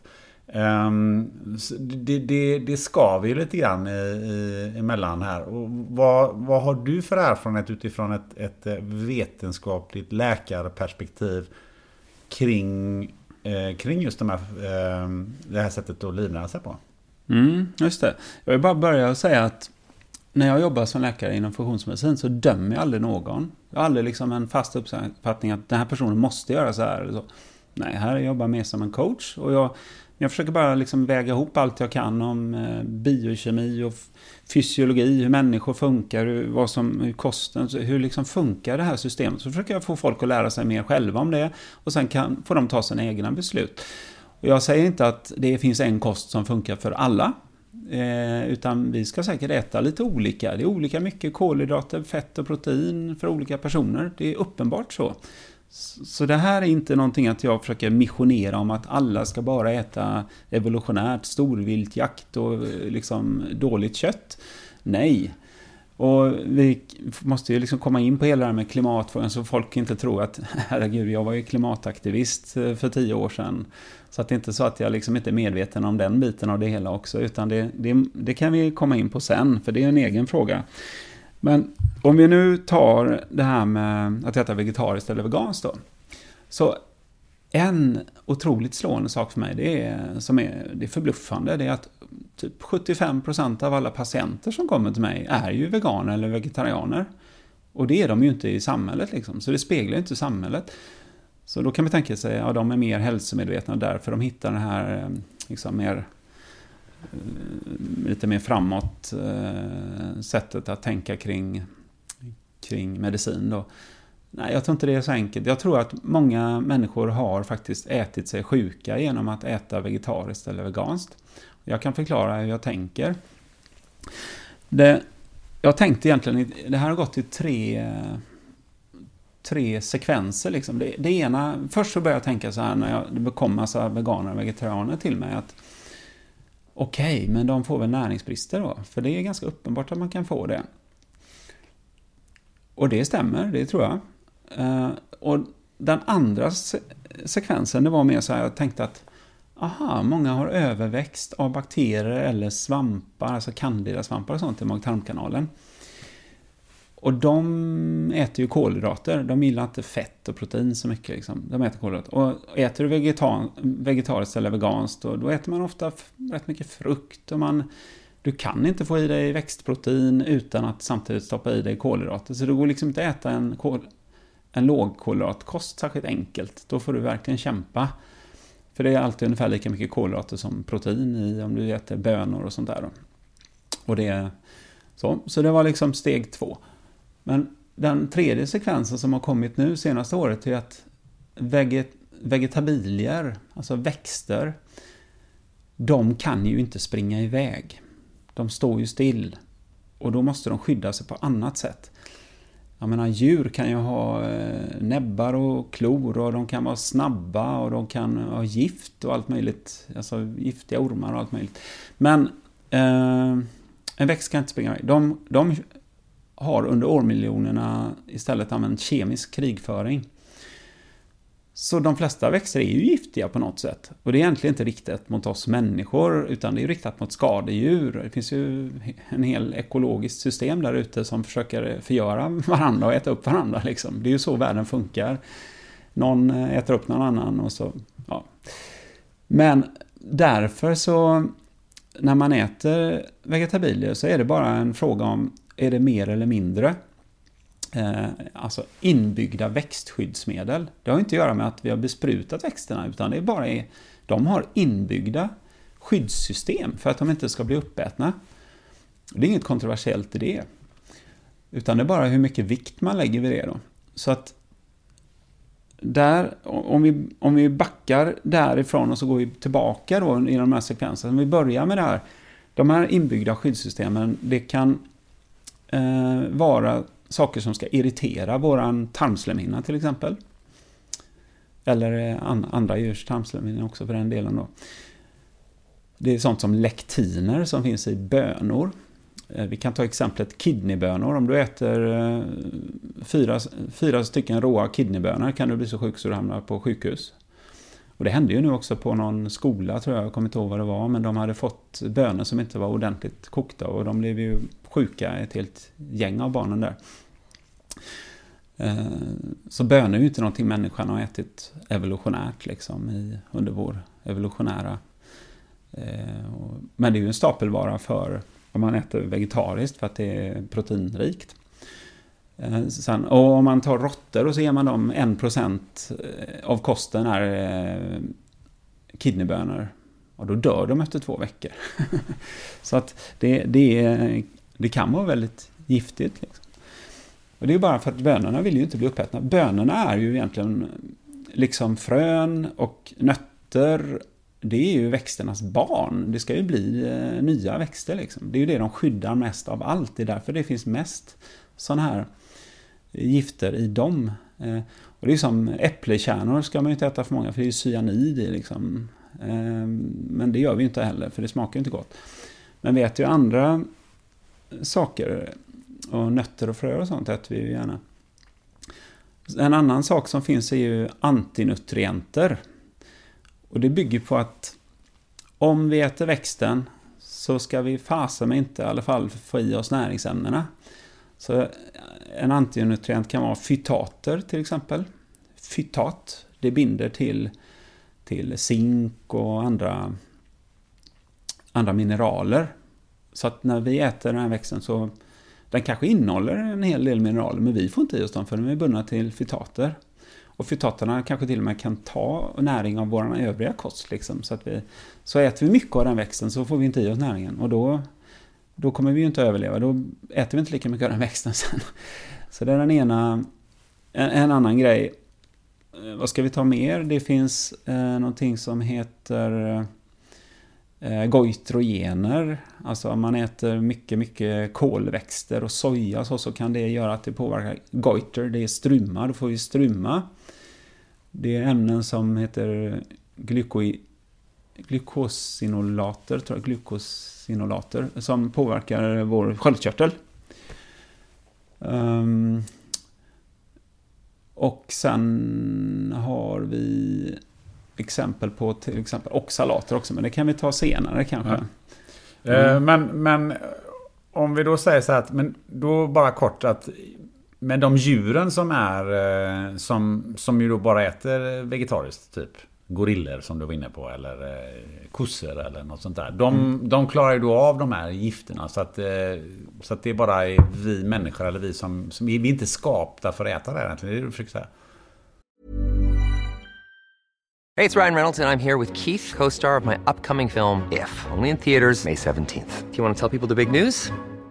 All right, I'll do it. Sign up now and you'll get unlimited for $15 a month in six months of Paramount Plus Essential Plan on us. Mintmobile.com slash switch. Upfront payment of $45 equivalent to $15 per month. Unlimited over 40 gigabytes per month. Face lower speeds. Videos at 480p. Active Mint customers by 531.24 get six months of Paramount Plus Essential Plan. Auto renews after six months. Offer ends May 31st, 2024. Separate Paramount Plus registration required. Terms and conditions apply if rated PG. Millions of people have lost weight with personalized plans from Noom. Like Evan, who can't stand salads and still lost 50 pounds. Salads generally for most people are the easy button, right? For me, that wasn't an option. I never really was a salad guy. That's just not who I am. But Noom worked for me. Get your personalized plan today at Noom.com. Real Noom user compensated to provide their story. In four weeks, the typical Noom user can expect to lose one to two pounds per week. Individual results may vary. Hold up. What was that? Boring. No flavor. That was as bad as those leftovers you ate all week. Kiki Palmer here, and it's time to say hello to something fresh and guilt-free. Hello Fresh. Jazz up dinner with pecan-crusted chicken or garlic butter shrimp scampi. Now that's music to my mouth. Hello Fresh. Let's get this dinner party started. Discover all the delicious possibilities at hellofresh.com.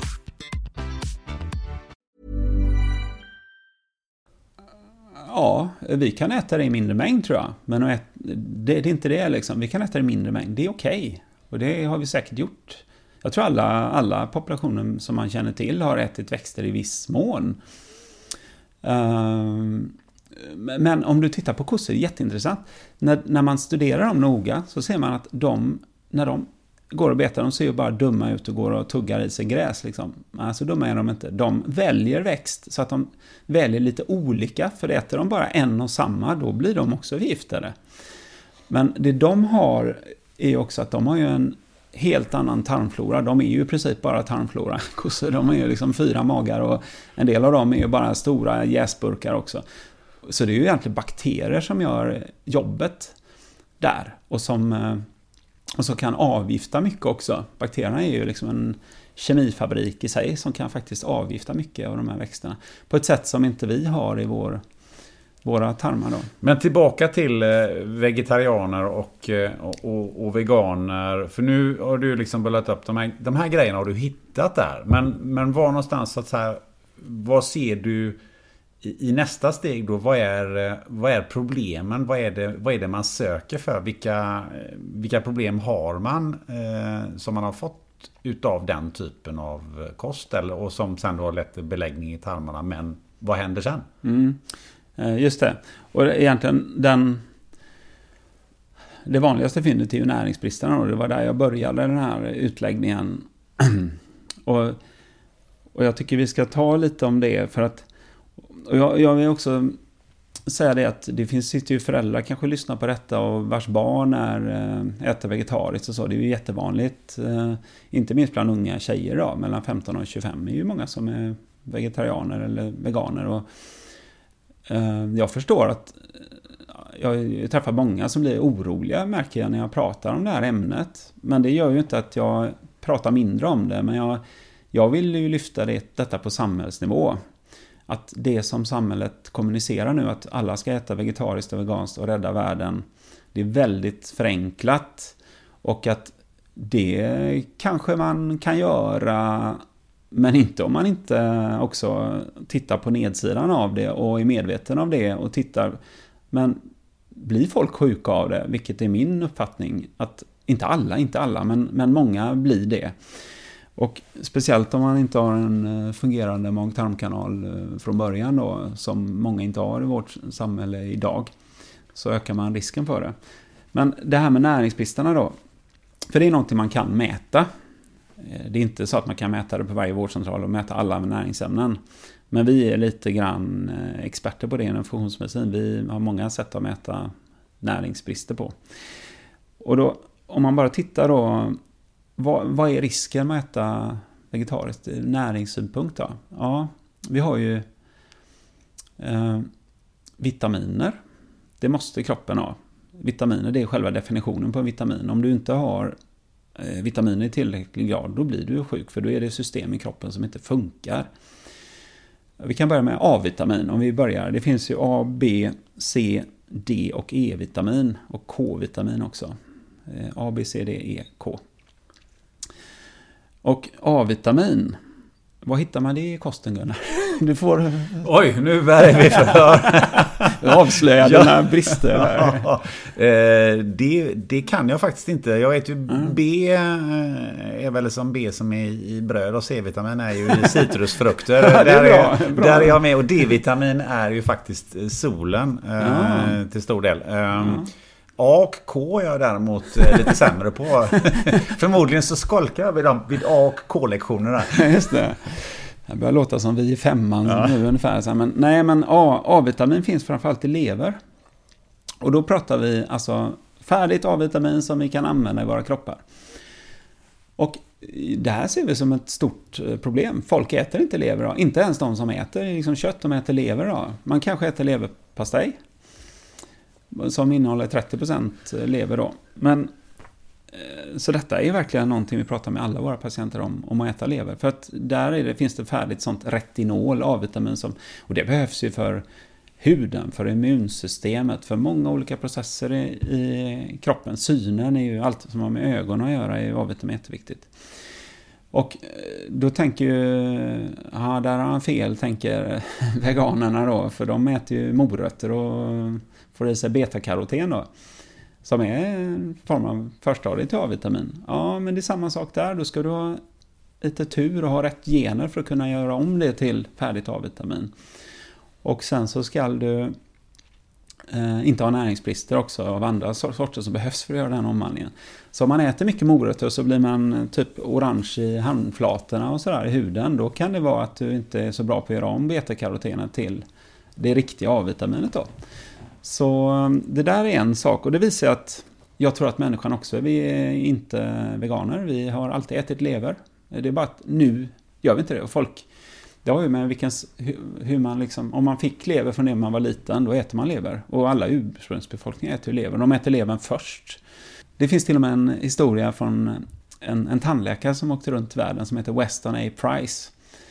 Han eh, han var ute och tittade på ursprungsbefolkningar och liksom såg hur deras eh, hälsa förändrades när de gick över till den västerländska kosten. Mer processad mat och så. Och då kom han till en ögrupp långt bort. Och där var det så att vissa levde uppe i bergen och andra levde vid havet. De vid havet de fiskade och de uppe i bergen de bara odlade typ sötpotatis och sådär och så levde de på det. Då var det så att men gränsen med de här folken, de var inte kompisar, men då gick det en gräns. Då gick de åtminstone någon gång upp i veck veckan och la fisk eh, vid gränsen. De som fiskade la fisk där. Varför gjorde de det? De var ju inte kompisar med det. Jo, för att om de inte gjorde det, då tog de här eh, bergsfolket som bara levde på eh, växter i princip, då tog de och dödade någon i den andra stammen, de fiskarna då, och åt upp den här fiskarens lever. för att de hade fattat att om de inte gjorde det så mådde de inte bra liksom. Så därför fick de istället fisk så de kunde få i sig det. Så det, det var lite om A-vitamin. Ja. ja. ja sen, sen är det om man tittar på Livsmedelsverkets hemsida. Det är bara att gå dit och sök på Livsmedelsverket och så söker du på vegetarisk kost. Då kan du se en lång lista på B-vitaminer som du har svårare att få i dig i vegetarisk kost. För det finns i, i kött i mer lättupptaglig form. Och där kan man ju speciellt nämna B12 som inte finns i, i veganmat överhuvudtaget då. Även om en del hävdar det, men det, det tror inte jag på. Så du, om man äter veganskt utan att ta B12-tabletter, då kan du vara illa ute efter ett tag. För att jag har ju träffat folk på kurser och sånt som har varit veganer och fått nervskador som inte går över sen. För att de har inte fattat att de skulle äta B12 liksom. Så det finns något som heter The Vegan Trap. Det tror jag inte vi har pratat om. Nej. Veganfällan kan man kalla det. Och det... Det är helt enkelt att du börjar äta veganskt och du mår toppen. Antagligen för att du slutar äta massa skit som du åt innan. Du går inte lika mycket på McDonalds när du är vegan kanske. Och sen så mår du bra, du tycker livet är finfint. Men efter två år kanske du börjar känna lite lägre energi. Efter tre år kanske du börjar känna lite sjuk. Efter fyra år kanske du är sjuk. Vad har hänt? Ja, till exempel kan det ha hänt att dina lager av A-vitamin i levern har tagit slut. För de kanske räcker i tre, fyra år. Tar de slut, ja, då funkar inte kroppen längre. Men de kan räcka så länge då. Det är, det är därför det är så mycket A-vitamin i lever. Vi lagrar ju dem själva i våran lever liksom, och det kan räcka länge. Så, så det kallas för the vegan trap. Du, du fattar inte vad som händer. Om du blir sjuk efter fyra år på vegan, man fattar ju inte att det är kosten, eller hur? Så det är som en fälla man kan luras in i då. Sen är det ju så väldigt många veganer som, som blir veganer, de, eller de flesta. Enligt vissa studier så finns det ju liksom att 80, över 80% slutar ju inom ett år av hälsoproblem då. Det finns ju många historier som helst om det. Men för, för där, när du är inne på det, för att där har jag ju hört att man också kan få olika typer av depressioner och så vidare. Det är ganska vanligt. Har du någon erfarenhet av det? Ja, absolut. Nej, men det, jag har ju till och med folk som kommer med och känner sig deppiga och sen börjar de äta kött och efter bara ett par, tre veckor så känner de sig mycket piggare. Liksom. Det kan vara så enkelt ibland. Ofta, oftast är det nog inte bara så enkelt, men eh, det kan vara för depression kan ju hänga ihop med allt ifrån B12-brist eller brist på omega-3 eller jättelåg D-vitaminnivå eller så. Det är olika näringsbrister det kan handla om. Du var inne på det här med vitaminerna, alltså att vi, vi hade C, D och eh, Ja, K vi har några kvar. Ja. C-vitamin, det är ju den, då kan man ju tänka så här... eh, För nu finns det ju en anledning till allt detta har blivit så tydligt av det som vi pratar om. Och att vi pratar om det här idag, det tror jag har att göra med att förra året så exploderade den här kosten som heter carnivore-kost. Folk som bara äter kött. Det kan vi prata mer om sen också. Men det låter ju galet va? De äter inga växter många av dem. Eh, och det är ju för att de är sjuka och vill läka sig från olika sjukdomar. Och jag kan berätta lite mer om det sen. Eh, patienter som gör så. Eh, men då tänker man, men då får de inte i sig något C-vitamin. Ja. Jo, men då är det så här att visst är det så att det finns mer C-vitamin i citrusfrukter och så än vad det finns i kött. Men man behöver inte så mycket C-vitamin för att undvika skörbjugg till exempel, som var ju det som sjömännen fick innan man på 1700-talet upptäckte att man kunde just ta eh, citrusfrukter och så för att motverka detta. Det var också så att om man, om man har folk med skörbjugg och ger dem färskt kött så kan man också bryta skörbjugg med det. Det kanske bara är 10 mg eh, istället för de här 1000 mg som är de här brustabletterna vi har liksom. Som, som behövs för att bryta skörbjugg. Och sen finns det vissa organ där det finns, om man nu äter hela djuret som, som köttätare, som det finns mycket mer C-vitamin i. Eh, så till exempel ursprungsbefolkningar som inuiter, alltså eskimåer och så, de åt ju binjurarna är kända för att innehålla mycket C-vitamin. Så då delar de upp det mellan sig och så fick man C-vitamin på det sättet. Så, så det är C-vitamin. Så till och med de som, de som äter bara kött i flera år, de får inte skörbjugg. Liksom. Så det kunde vi prata mer om, men jag tycker vi går vidare till D-vitamin. Eh, D-vitamin är ju som du säger solen, så att, men det är ju bara mellan kanske maj till september som vi kan göra D-vitamin. Och D-vitamin är ju viktigt för typ 3000 olika gener är med och styr i kroppen. Det påverkar jättemånga olika delar i kroppen och inte minst immunförsvaret. Eh, så om du solar i en halvtimme på sommaren, säger vi, Gunnar är på stranden. Då kan du få i dig 10 000 enheter på en halvtimme. Liksom. Det skapar huden åt dig. 10 000 enheter, det är en ganska hög dos. Medan när man tar det som kosttillskott kanske man tar någonstans, alltså i min värld så tar man kanske mellan 1000 och 3000 enheter varje dag under den mörka årstiden. Medan i konventionell sjukvård är det ofta lite lägre dos, kanske 800 eller 400 enheter. 1000 till 3000 enheter. Så du får i dig mer än man får i kosttillskott egentligen när du solar. Eh, men det finns också, då tänker man Eskimoer, de, de får, kan aldrig göra något D-vitamin, eh, men de får ju inte D-vitaminbrist. Nej, då får de i sig det via kosten också. Och det, de fettlösliga vitaminerna är ju A och D och E och K. ADEK, A, D, E, K. Och de kan man ju få sig i sig via att äta djurfetter till exempel då. Så kan du få i dig de vitaminerna. Så det, det kan finnas där. Jag undrar om det finns mer djur som har varit ute och gräsbetat så här, som finns en sån koppling. De har varit ute mer i solen kanske. Ja. Och K? Ja, K-vitamin. Eh, det kan jag inte lika mycket om faktiskt, men det är så att det finns K1 och K2. Och K2 är en av de nyaste vitaminerna vi känner till. Men K, K1 får man i sig bland annat via gröna blad. Och det här kan vi inte så mycket om K1 och K2-relationen däremellan. K2 kan du få i dig antingen från djurprodukter eller växtprodukter, lite olika former och så, sen kan de omvandlas. Så det är lite, lite komplext. Men du kan alltså få i dig K2 via att äta djurprodukter. Och den som innehåller allra mest det är anklever. så. Fint ska det vara. ja. ja, härligt. Nu har du ju pratat om, om det här med den, den veganska, vegetariska eh, kosten. Eh, då har vi, och du har pratat om det här med, med att äta kött. Och det, då kommer man ju osökt in och säga så här att eh, ja, men, eh, rött kött eh, och kött överhuvudtaget, det ska vi inte äta.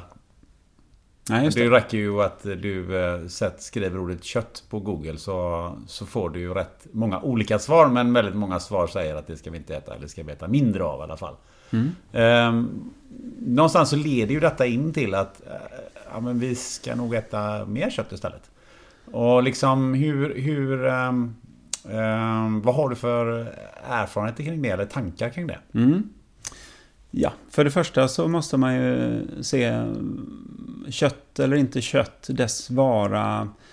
Vad, vad har man för argument för emot? Liksom, vad, är det, vad är det man, vilka områden man tänker på? Tänker man på hälsa? Tänker man på klimatet? Och är det av religiösa skäl man inte äter kött? Eller är det av etiska skäl man vill inte döda ett djur till exempel? Om det är av etiska skäl, jag vill inte döda djur. Ja, Okej, okay, jag respekterar det. Det är ditt beslut. Religiösa skäl, jag respekterar det. Det är ditt beslut. Men eh, försök inte missionera och se till att alla på jorden ska göra som du. Det är lite så jag tänker. Utan, utan det är okej okay att du gör så. Och det är okej okay att jag gör som jag gör kanske.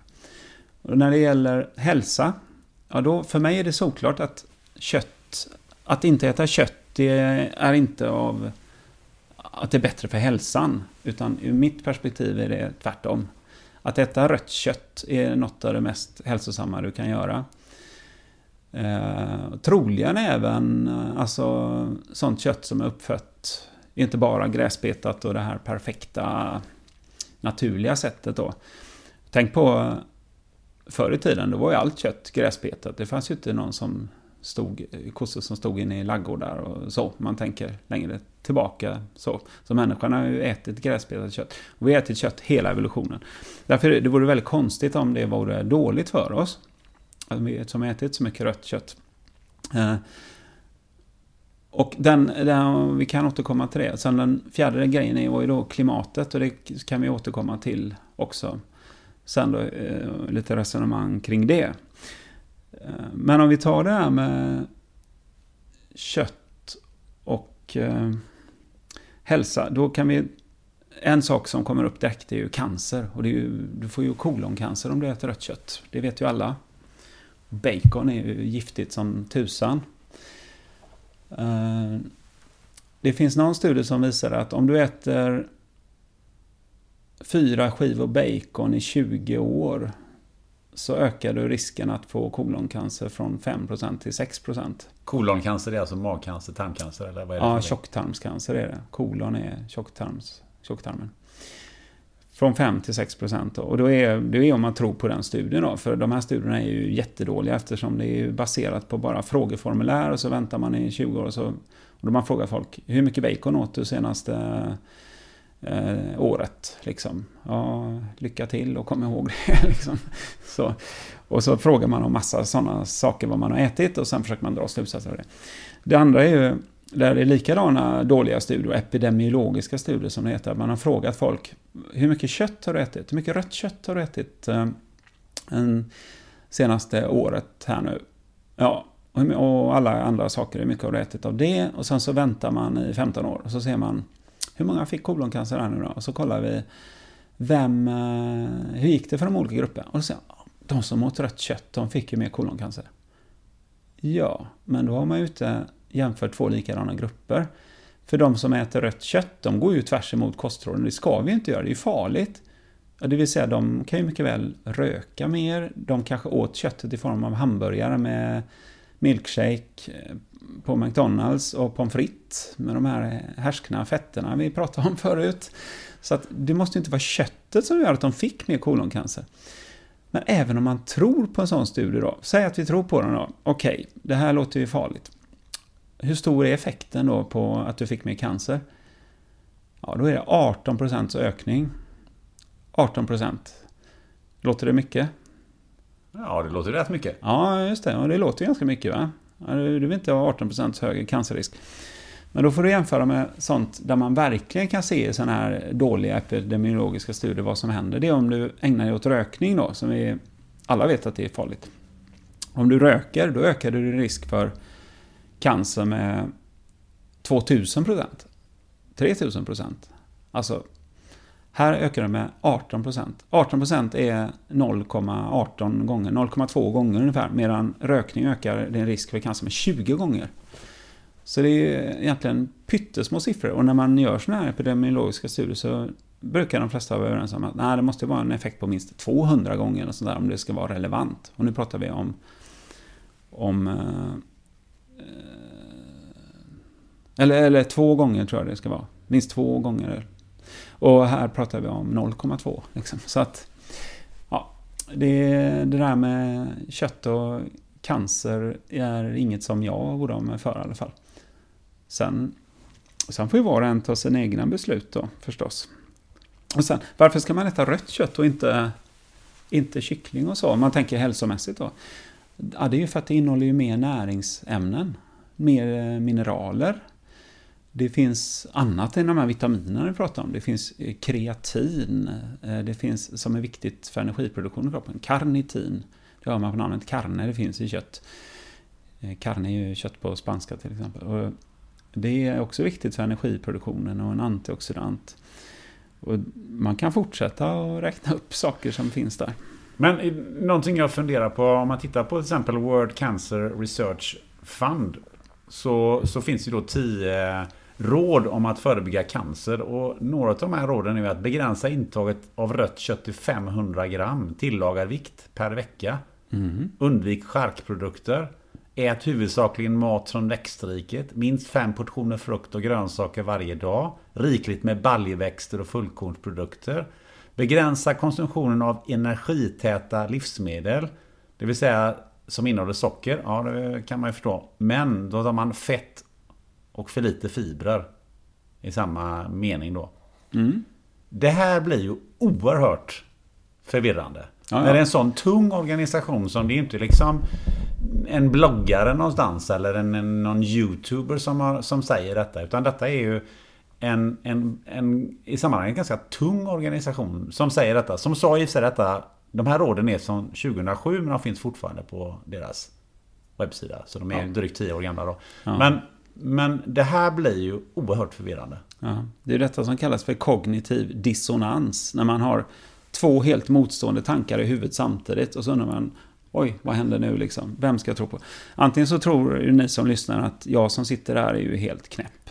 Det jag säger går ju verkligen totalt emot vad World Cancer Research organisationen säger då. Men mycket av det jag säger går ju tvärt emot vad kostråden säger också. Och vad många andra, American Heart Association, American Diabetes Association etc. Så att det, det finns ju en genomgående tema att myndigheter och eh, institutioner har ett budskap och sen finns det andra som har helt andra budskap. Och det är jättesvårt att orientera sig för, i detta då. Och jag, jag skulle kunna göra så att jag kan ge dig lite länkar som du kan ha i slutet av podden här Ja, så kan du liksom in. Mm. ta in så folk kan... För, för jag tycker det handlar om att folk ska eh, de som i alla fall är lite motiverade och vill, de ska ta reda på mer. Och det gäller att lyssna på folk som har satt sig in i de här frågorna och som kan... På, det finns massor med folk man kan lyssna på som är fullt trovärdiga, som kan... Som, förstås, som kan stödja den bilden som jag ger här idag. Så det vill jag hävda. Men då, då, då vill jag säga också det att vi måste förstå det här. Jag tror inte vi riktigt kom hela vägen tillbaka där. Och det ska vi faktiskt kunna flika in här. Var kostråden kommer ifrån.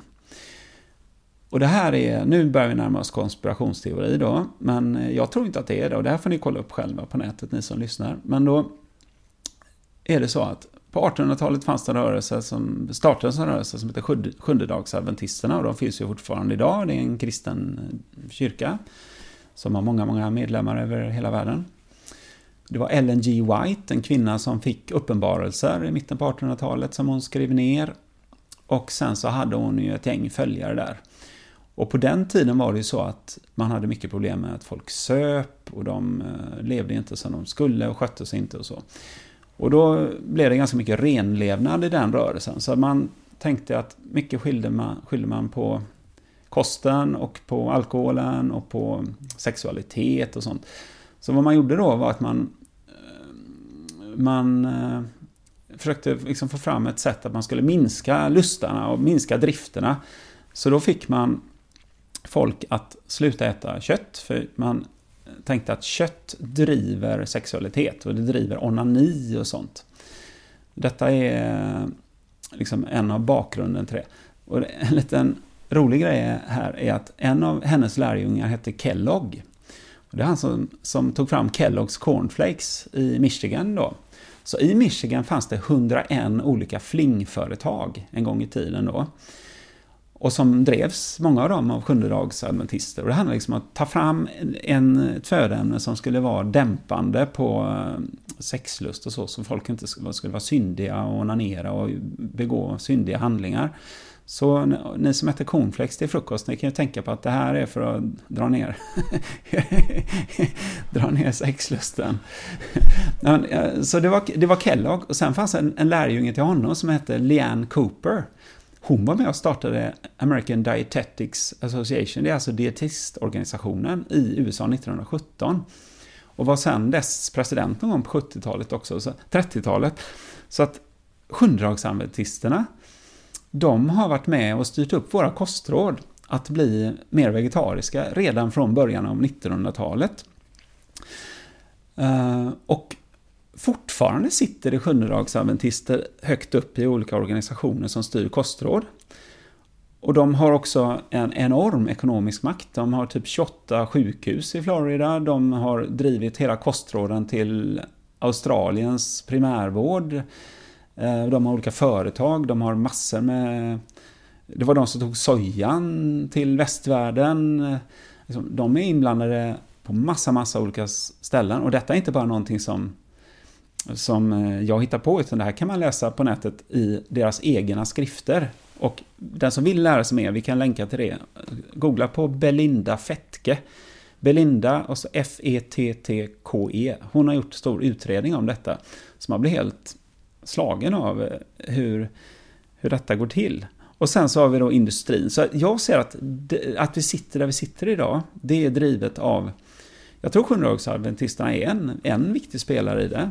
Men det är inte bara så att, att de liksom har tagit över världen, det är inte, eh, det är inte på det sättet. Men att de har en agenda som är driven religiöst. Så att vi, en del av att vi äter som äter, det är en religiös agenda. Den andra är att stora företag, de tjänar pengar på att sälja processad mat. Vi tänker Big Food, vi tänker allt ifrån jordbruksföretagen med GMO och Monsanto och Syngenta och dem, till Craft, Kraft, Unilever, alla de här stora företagen. De tjänar inte pengar om, om Gunnar äter en, eh, en köttbit. De tjänar pengar om du äter en fake hamburgare istället med 15 ingredienser. Det, kan ju, det är jätte på tapeten nu. Beyond Meat, eh, Impossible Burger. Ni kan googla på det. Googla på Ingredients och eh, Beyond Meat och Ingredients och Impossible Burger så kan ni se vad de innehåller. Det är inte helt okontroversiellt. Eh, och ingenting som jag skulle vilja stoppa i min kropp. Liksom. Men det är, det är där vi har hamnat nu. Att det är det coolaste man kan äta. Fake-mat som inte har samma näringsvärde som eh, det riktiga köttet skulle ha haft. Ja, det måste ju finnas oerhört stora intresse, ekonomiska intressen i det. Man tänker ju bara på produkten Oatly som eh, ett literpris på, på Oatly är dubbelt så högt som på mjölk. Jaha. Men det innehåller egentligen bara vatten och lite tryck pressat havre har jag förstått. Ja, visst, visst. Ja, men det, det håller jag med om. Det, det är ju otroligt lyckad eh, marknadsföring. Wow, no cow, liksom. Och det, i och för sig, det är ju inte bara så att jag såg allt detta vid fotknölarna. Utan det är mer liksom storleken på det och att det, att det trycks på alla människor. Det är ju jättebra att det finns alternativ till mjölk, för det är många som inte tål mejeriprotein. Det är sånt som vi stöter på hela tiden. Så jag är glad att Oatly finns. Men att, ehm, att alla ska dricka sojamjölk och eh, mandelmjölk och sånt. Eh, istället för mjölk rakt av. Liksom alla produkter ska ersättas från eh, de riktiga produkterna till någon fake-produkt. Det är jag väldigt kritisk till. Men nu har vi ju pratat om, om köttet ur ett näringssynpunkt. Eh, du har sagt att eh, om man vill inte vill äta kött på grund av etiska skäl eller religiösa skäl. De två skälen kan vi ju lämna därhän för det är ju, det är ju lite upp till var och en och vilka, vilka åsikter man har. Men vi har ju, och det har vi berört lite, eh, miljötänket kring kött. Och det är, ju, det är ju en av de största anledningarna till att eh, många väljer vegetariska och veganska alternativ. Eh, och det, är ju, det finns ju väldigt många som också stora organisationer eh, som argumenterar för att, eh, att inte äta kött ur ett, ur ett rent miljömässigt eh, perspektiv. Um, bland annat eh, eh, Naturskyddsföreningen och, och, och, så vidare. Och så vidare. Eh, man har gjort mycket undersökningar och, och, och säger att um, och säger att, att det, är, det är väldigt dåligt ur klimatsynpunkt. Hur kan vi koppla det till när vi samtidigt ska, som du säger, om jag tolkar det rätt, att vi bör egentligen äta mer kött? Mm. Med de här skälen. Hur, hur, hur får vi det här till att gå ihop, tror du? Ja. Jag är inte så förmäten att jag tror att jag har hela svaret på den klimatfrågan. Absolut inte. Men hela, hela anledningen till att jag sitter och pratar med dig idag är att jag tycker att det behövs en motbild i alla de här frågorna vi pratar om till den förenklade mediabilden som är idag. Och där klimatfrågan är ju, den är ju jätteenkel för de flesta idag. Det är i princip ät vegan, veganskt eller vegetariskt, rädda jordklotet. Från... Det står så i utvecklingen på många ställen. Ja, jo, så är det ju. Och jag tror att för det första så har man ju då duckat från att det är fossila bränslen som är den största boven i detta. Eh, och, det, och tyvärr är vi ju kvar med gamla siffror där, där det var någon, först någon rapport ifrån, var det från FN kanske, som tog fram att till exempel i USA var det väl 14% av, eh, av eh, utsläppen kom ifrån betande eh, kreatur, kossor och, och så, 14 procent. Men då hade de ju jämfört eh, kossorna, då hade man tagit hänsyn till till liksom hela den, allting som hade med dem att göra och man transporterade liksom bet, Eh, maten och sådär till dem och slakt allting. Medan i, i, när det gällde bilar och sånt, då hade man ju bara mätt vad som kom ut ur avgasröret. Så det var ju en helt ohedlig jämförelse egentligen. Och det har man ju sen, det rättar man ju till direkt alltså. Det är bara att den gamla siffran lever kvar. Den nya siffran är ju snarare kanske, jag kommer inte ihåg om det är 5% eller 4% eller något sånt där. Så att det för det första så finns det felaktig grundinformation som fortfarande Greenpeace och sådana organisationer förstås använder. För, det, för, för jag måste jag bara flika in där, för, mm. för det tycker jag är det allra svåraste i den här diskussionen. Det florerar oerhört mycket siffror.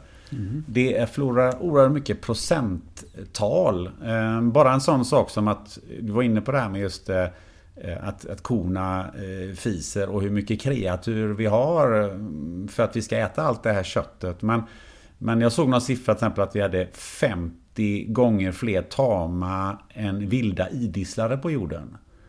Ja men det beror ju på att vi har tagit ihjäl alla vilda idisslare. Alltså man, om man, mm. läs, om man då börjar läsa hur många bufflar fanns det i eh, USA eh, innan vi började ta koll på allihopa? Mm. Jo, det var 60 miljoner bufflar. Mm.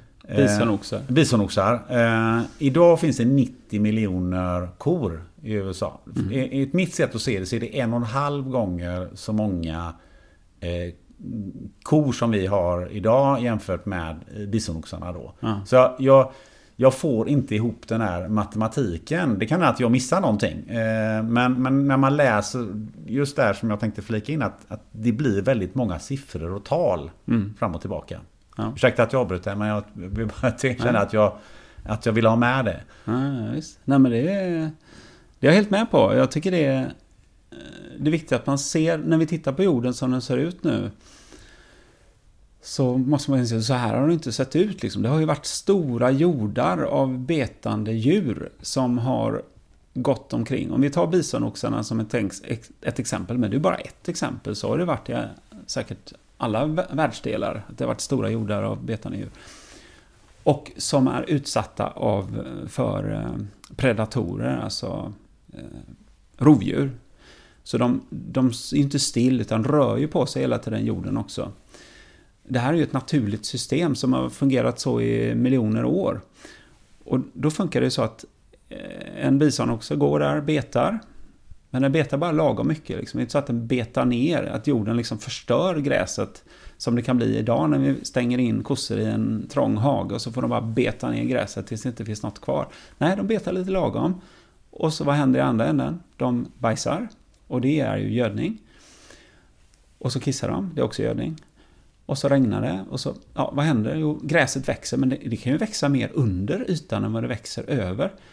Så i ett sånt system, och det börjar komma mer och mer forskning på det också, det här är svårt att mäta förstås, vad händer i jorden och så, men så kan man ju binda mer kol än vad de här djuren liksom producerar. Vi tänker på, man säger att de fiser metangas, egentligen är det inte så mycket att de fiser, men att de rapar upp det. Men den här metangasen då, den är ju del i ett ekosystem.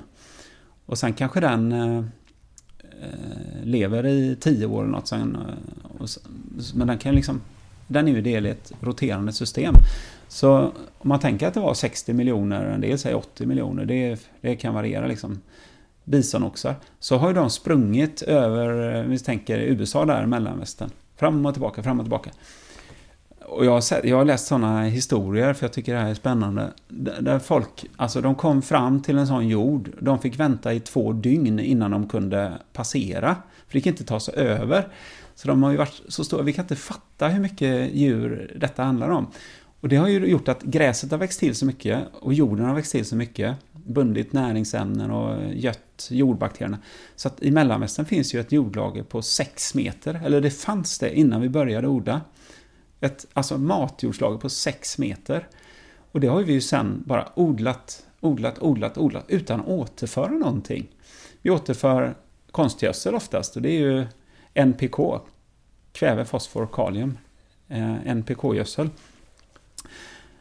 Och eh, så, så jag, jag, tror, och det här tror ju många i, i min del av eh, universum nu, att en lösning på klimatfrågan, en av lösningarna, vi säger inte att det skulle lösa det helt, eller så, det hade ju varit att faktiskt använda dem jag tror med en del säger att 40% av jordens yta är av eh, landytan är grasslands. Alltså det är stora gräsområden. Och det allra mesta det kan man inte odla på. Det går inte att odla soja där liksom, utan det, man kan ha eh, stora jordar och det har säkert gått stora jordar där. Så jag säger inte att vi inte ska ha det vanliga jordbruket alls. Ehm, men jag tror att vi behöver använda de grasslands vi har. För egentligen är det ju helt fantastiskt. Gräs kan människan överhuvudtaget inte äta. Vi kan inte få ut någonting av det. Så har vi en maskin som kan gå och tugga i sig gräs och göra den mest högvärdiga näring vi kan tänka oss. Som antagligen är den som vi evolutionärt har, har levt på under eh, miljoner år. Den här maskinen är helt otrolig och det bygger bara på att bakterierna i kons mage kan göra de här eh, omvandla, omvandla dålig föda för oss till bra föda. Och även om man tittar då, om vi, om vi tar några amerikanska siffror, så är det så som du sa, det finns 90 miljoner eh, alltså cattle som alltså köttproducerande djur. Jag tror att det finns det bara i USA faktiskt. Stämmer. Ja. Eh, då är det så här att för det första så och det där är inte så att jag säger åh vi ska ha 90 miljoner och de ska stå i eh, bås liksom. Men bilden bara för att visa på en lite annan bild än den man ser i media och den som djurrättsaktivister och så för fram, så är det så att i varje givet ögonblick så är det bara 15 av de 90 miljonerna som står inomhus eller står i liksom, och äter eh, till exempel majs och sånt för att bli, bli feta och liksom växa snabbt. All, de andra är utomhus, så de, de är ju utomhus eh, typ 80% av sin livstid. Det är alla de här, även de som man kallar grain fed, eller som föds upp på majs. Då. Så det är en sak som jag tror många inte överhuvudtaget känner till. Sen är det, vad äter de då? Ja, om man tittar på... Så tycker man ju, ja men de äter ju upp eh, all den majsen så som vi kunde ätit. Ja, eh, majs som man odlar i USA, 50% går till etanolproduktion som man använder till ja, bilar och annat och liksom eh, elda, elda med på olika ställen. Eh, 12% går till High Fructose Corn Syrup, som är alltså socker med mycket fruktos i, som man sötar läsk och godis, allt möjligt och mat med. 5% går till att mata djuren då. Dessutom är det av det man använder för att mata djuren så är ju kanske eh, 50% av det är ju sånt som vi inte hade kunnat äta. Det är typ allt det på majsplantan som vi aldrig skulle få för oss att äta, men djuren kan ju äta det. Så det är också en upcycling. Så det där är ju en hel eh, vetenskap som man har dragit nytta av nu. Så att man kan använda en massa saker i jordbruket som, det hade inte haft något värde, man kanske kunde eldat upp det. Nu kan vi göra mat av det genom att vi har en maskin som kan producera eh, fantastisk näring av biprodukter egentligen. Så det, det är ju en eh, och till exempel majs har ju brist på aminosyran lysin, som är en essentiell aminosyra. Vi kan inte leva utan att få i oss lysin. Och det är den typiska aminosyran som veganer och vegetarianer kan ha brist på. För det mäter jag i alla mina patienter, så det ser jag att väldigt många har brist på det. Och de behöver ta det som kosttillskott eller så behöver de äta, se till att de får i sig lysin. Och majs innehåller inte så mycket lysin. Men om man stoppar majsen i kossor så blir det lysin av det. För bakterierna i kossorna, så de liksom gör bättre protein än man stoppar det i dem till och med. Ja, så det, det är en grej. Den andra, ska jag, är det okej okay med att berätta lite mer om amerikanska djur? Shoot! Nej men då, då har vi vidare Eh, på 50-talet fanns det 25 miljoner mjölkkor i USA. Nu finns det 9 miljoner mjölkkor i USA. Men de här 9 miljonerna, de producerar 60% mer mjölk än vad de 9, 25 eh, miljonerna gjorde då.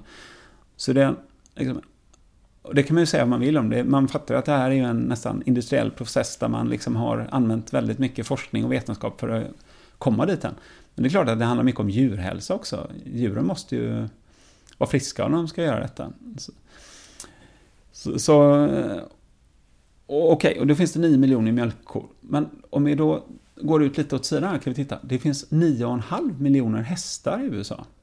Det diskuterar man ju inte överhuvudtaget här. Liksom, vad äter de? Och de kanske äter något som man kunde gett till kossor och ätit istället då, för vi äter ju inte hästkött särskilt mycket. Det gjorde man ju förr i tiden med, men inte nu då.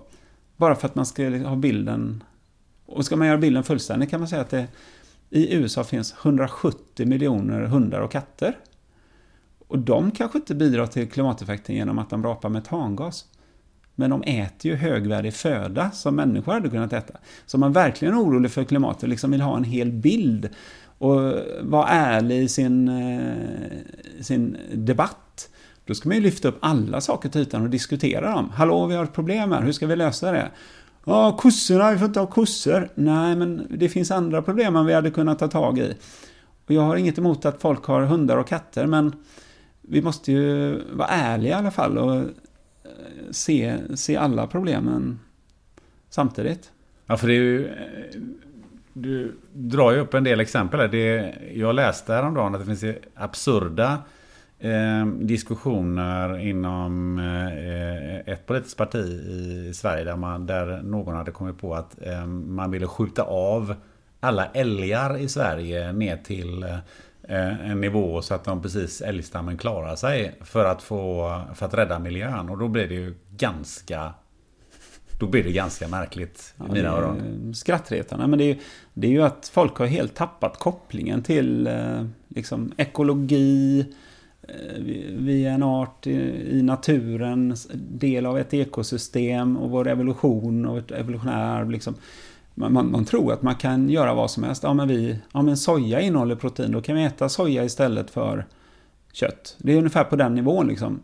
Nej, det är inte samma sak. Det eh, finns massor med argument emot att göra så. Men man, det, det, det är det som är problemet, att det här, kunskapen är så låg generellt sett om de här sakerna. Eh, och att mediebilden är så otroligt förenklad. Och dessutom så är, om du skulle överhuvudtaget ta upp detta och vilja prata om detta. Och jag har ju patienter som äter sådana här kött, de äter bara, bara kött. Om vi ska nämna det. Eh, det är inte jag som säger till dem att de bara ska äta kött. Det är för att det är en stor rörelse i, världen nu där folk bara sprider sig som en löpeld. Och de eh, får ju höra då, när, till exempel på jobbet, så här, varför äter du bara kött? Är du inte klok? Eller liksom, de, ungefär som att, har du inte någon skam i kroppen? Eh, jag har en patient, han berättade att han sa ju bara till sina kompisar, jag har MS, jag försöker bli frisk från det. då blir de tysta. Några, några bara ett par historier. Jag hörde nu en av läkarna i Stockholm hade träffat en 80-årig dam. Hon har haft reumatism hela livet. Stod på mediciner. Hon började äta sån här i juni. I juli slutade hon med sina mediciner och mådde bra. Liksom. Eh, Bli av med reumatism. Och jag är inte förvånad för att jag har en annan patient. Hon har svår sjukdom, en svår tumör.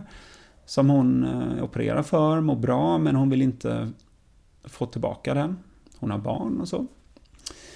Då har hon eh, läst på om detta och funnit att nej, men hon ska äta ren köttighet, carnivore-kost med mycket fett i, alltså ketogen kost, ketoner istället för socker som, som matar eh, kroppen. Man går på fettdrift. Det finns en klinik i Ungern som jobbar mycket med detta som heter Paleo Medicina. Som hon eh, inspirerar av, för de har också mm, patienter med samma typ av tumör som har hållit sig friska länge. Det var det, bara det att hon har haft reumatism sedan hon var barn. Och hela livet känt som en inflammationskänsla i kroppen, ungefär som man håller på att få influensa eller något sånt där. Eh, och haft tunga mediciner för det, men hon är ju helt liksom förvärkt i sin reumatism, man ser ju på händer och sånt. Ja, så började jag med det i våras och sen så träffade jag henne nu för några månader sedan. Eh, lite mindre än ett halvår efteråt. För det första känner jag inte igen henne, för hon, förut var hon ju överviktig och helt svullen i ansiktet. Så här. Men nej, hon såg smal, slank ut. Och hon berättade bara att nej, all, all den här inflammationskänslan och ledvärk och sånt som gjort att hon inte kunnat träna och röra sig, som hon levt med hela livet, och hon är ju 50 plus nu, den är borta. Mm. Den har gått bort när hon gjort så. Och då tänker folk att ja, men det kan ju bara ha råkat bli så. Sannolikheten är väldigt låg. Och vi hade kunnat prata länge om logiken bakom det då, som har med dels alla de här eh, problemen med växterna vi hade att göra med att man kan få eh, alltså saker som irriterar tarmarna och immunsystemet och sådär. Så jag tror mycket handlar om det, att man har ett irriterat immunsystem från eh, delvis då från toxiner i växterna som man åt innan. Mm. Som ju, vi ska börja avrunda här. Ehm, vi har suttit här och pratat och tycker det har varit oerhört intressant. Och, och eh, det här har varit, eh, börjar bli långt. Det kan det blir två avsnitt av det här. Men, men jag tror att eh, det är många som är väldigt intresserade. Men du har varit inne på just det här med, med gifter och någonting som heter oxalater. Som jag vet att att ni har stött på eh, en del eh, problem eh, kring. För att, och det jag vet om oxalater som ändå har en, en hygglig utbildning sådär. Jag tycker att det finns väldigt mycket ämnen och så som man pratar om som man, man har ingen aning om vad det, vad det är för någonting. Eh, att det finns i spenat och när jag var liten så sa alltid mamma att man ska äta upp sin spenat.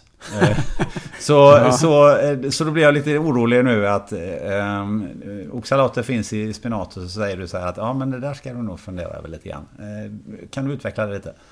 Ja, jag tror vi, vi får ta poängtera ordet lite där. För att jag skulle kunna prata i flera timmar om detta tror jag. För det... Vi kan ta ett, ett avsnitt om oxalater något tillfälle. ja, men det, det, kan vi göra. Men den, den korta storyn är att eh, oxalater finns i växter som ett av de här eh, skyddsmekanismerna för att växten inte ska bli uppäten. Och om du har ätit kiwi någon gång så kan du kanske komma ihåg att när du biter i kiwi, det är som att det sticker lite i tungan. Det är för att det finns kalciumoxalatkristaller. Det är som små nålar om man tittar på dem i mikroskop. Det ser verkligen ut som nålar. De finns där. Men de finns också i många andra växter. Eh, och spenat är som du säger ett exempel. Rabarber är väl det mest välkända exemplet där man eh, vet att rabarber innehåller extrema mängder med oxalater. Så att i eh, England så för länge sedan så visste man det att när folk kom in när rabarberna var mogna kunde en del komma in med vissa symptom och sjukdomar som berodde på att de hade ätit för mycket rabarber helt enkelt. Så det här är ju känt liksom. Men den stora grejen nu som gör att detta kommer upp nu, att vi har fått detta på våran radar. För jag har ju känt till oxalater i fem år. Men jag, och jag har till och med mätt oxalater på patienter i fem år, men inte fattat hur viktigt detta var. Och nu, nu ligger vi här och liksom pressar. Jag kan se det som att vi faktiskt börjar förstå en del medicinska saker. Så jag tycker det är otroligt intressant. Hade jag inte haft så mycket annat att göra så hade jag forskat på detta. För att det här, det här tror jag är ett, ett folkhälsoproblem. Så jag tycker, du som lyssnar nu, skärp öronen nu. Liksom, för det här kan påverka dig och din familj faktiskt, så som jag ser det. Det är att den stora avvikelsen, och återigen när man har det evolutionära perspektivet, så har vi allting vi har ätit, även när vi har ätit växterna i naturen, så har alltid varit i säsong. Vi har inte alltid kunnat äta en viss växt. Så det finns en artikel skriven som heter Lost Seasonality. Lost Seasonality på engelska börjar den med, av en kvinna som heter Sally K. Norton. Och den går ut på att eh, nu för tiden så har vi en global eh, matproduktion och vi kan äta nästan vad som helst året runt. I våra butiker här, i alla fall i västvärlden. Och det gör vi också. Så vi eh, äter till exempel jättemycket spenat. Jag har patienter som gör spenatsmoothie varje morgon, kanske med lite hallon och nötter i och så. Det är bara att det där har vi aldrig kunnat göra förut. Och det kunde ju varit bra och det kan hända att det är nyttigt med spenatsmoothie någon gång ibland. Men att äta det varje dag eller varje vecka, det kan få följande konsekvenser. Att oxalsyra, oxalater som finns mycket i spenat, det finns jättemycket i det, mycket mer än kroppen kan ta hand om. Så säg att din kropp kan ta hand om 100 mg oxalater på en dag. Och då ta hand om menar jag att det tas upp i blodomloppet och så kissar du ut det. För du vill inte ha det, du har ingen nytta av oxalater i kroppen, tvärtom. Om du gör en spenatsmoothie, då kan det vara 1000 mg oxalater där i.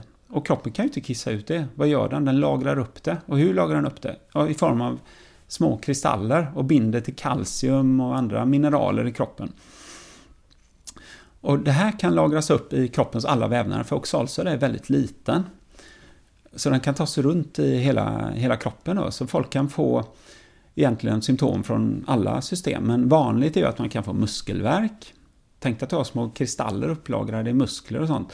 Ledvärk.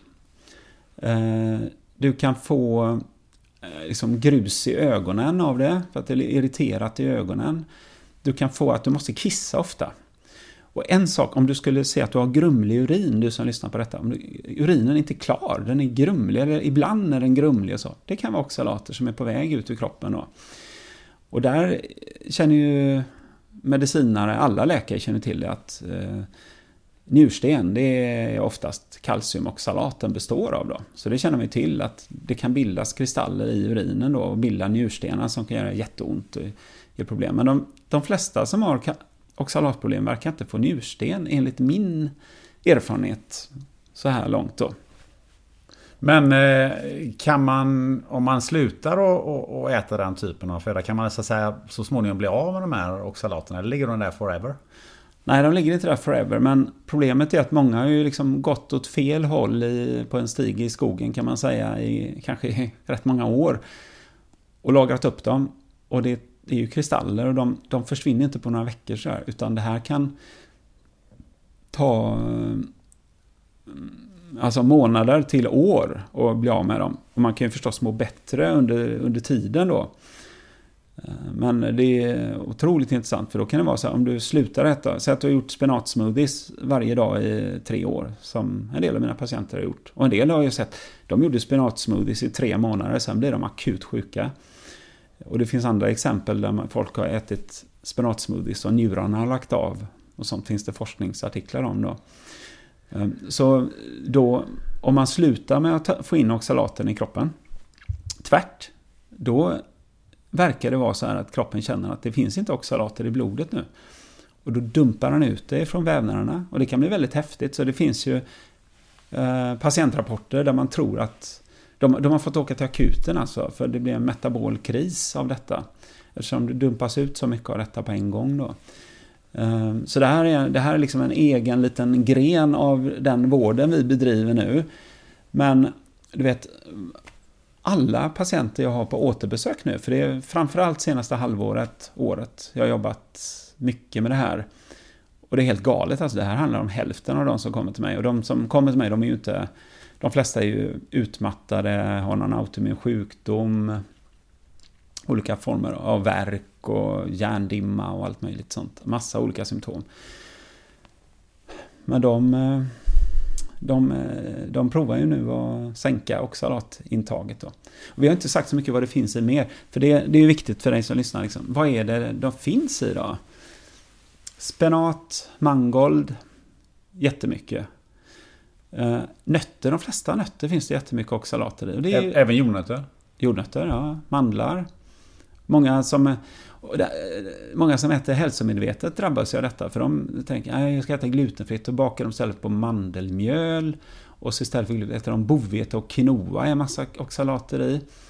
Eh, de äter inte potatis som det i och för sig är oxalater i, men de äter sötpotatis som det är ännu mer oxalater i.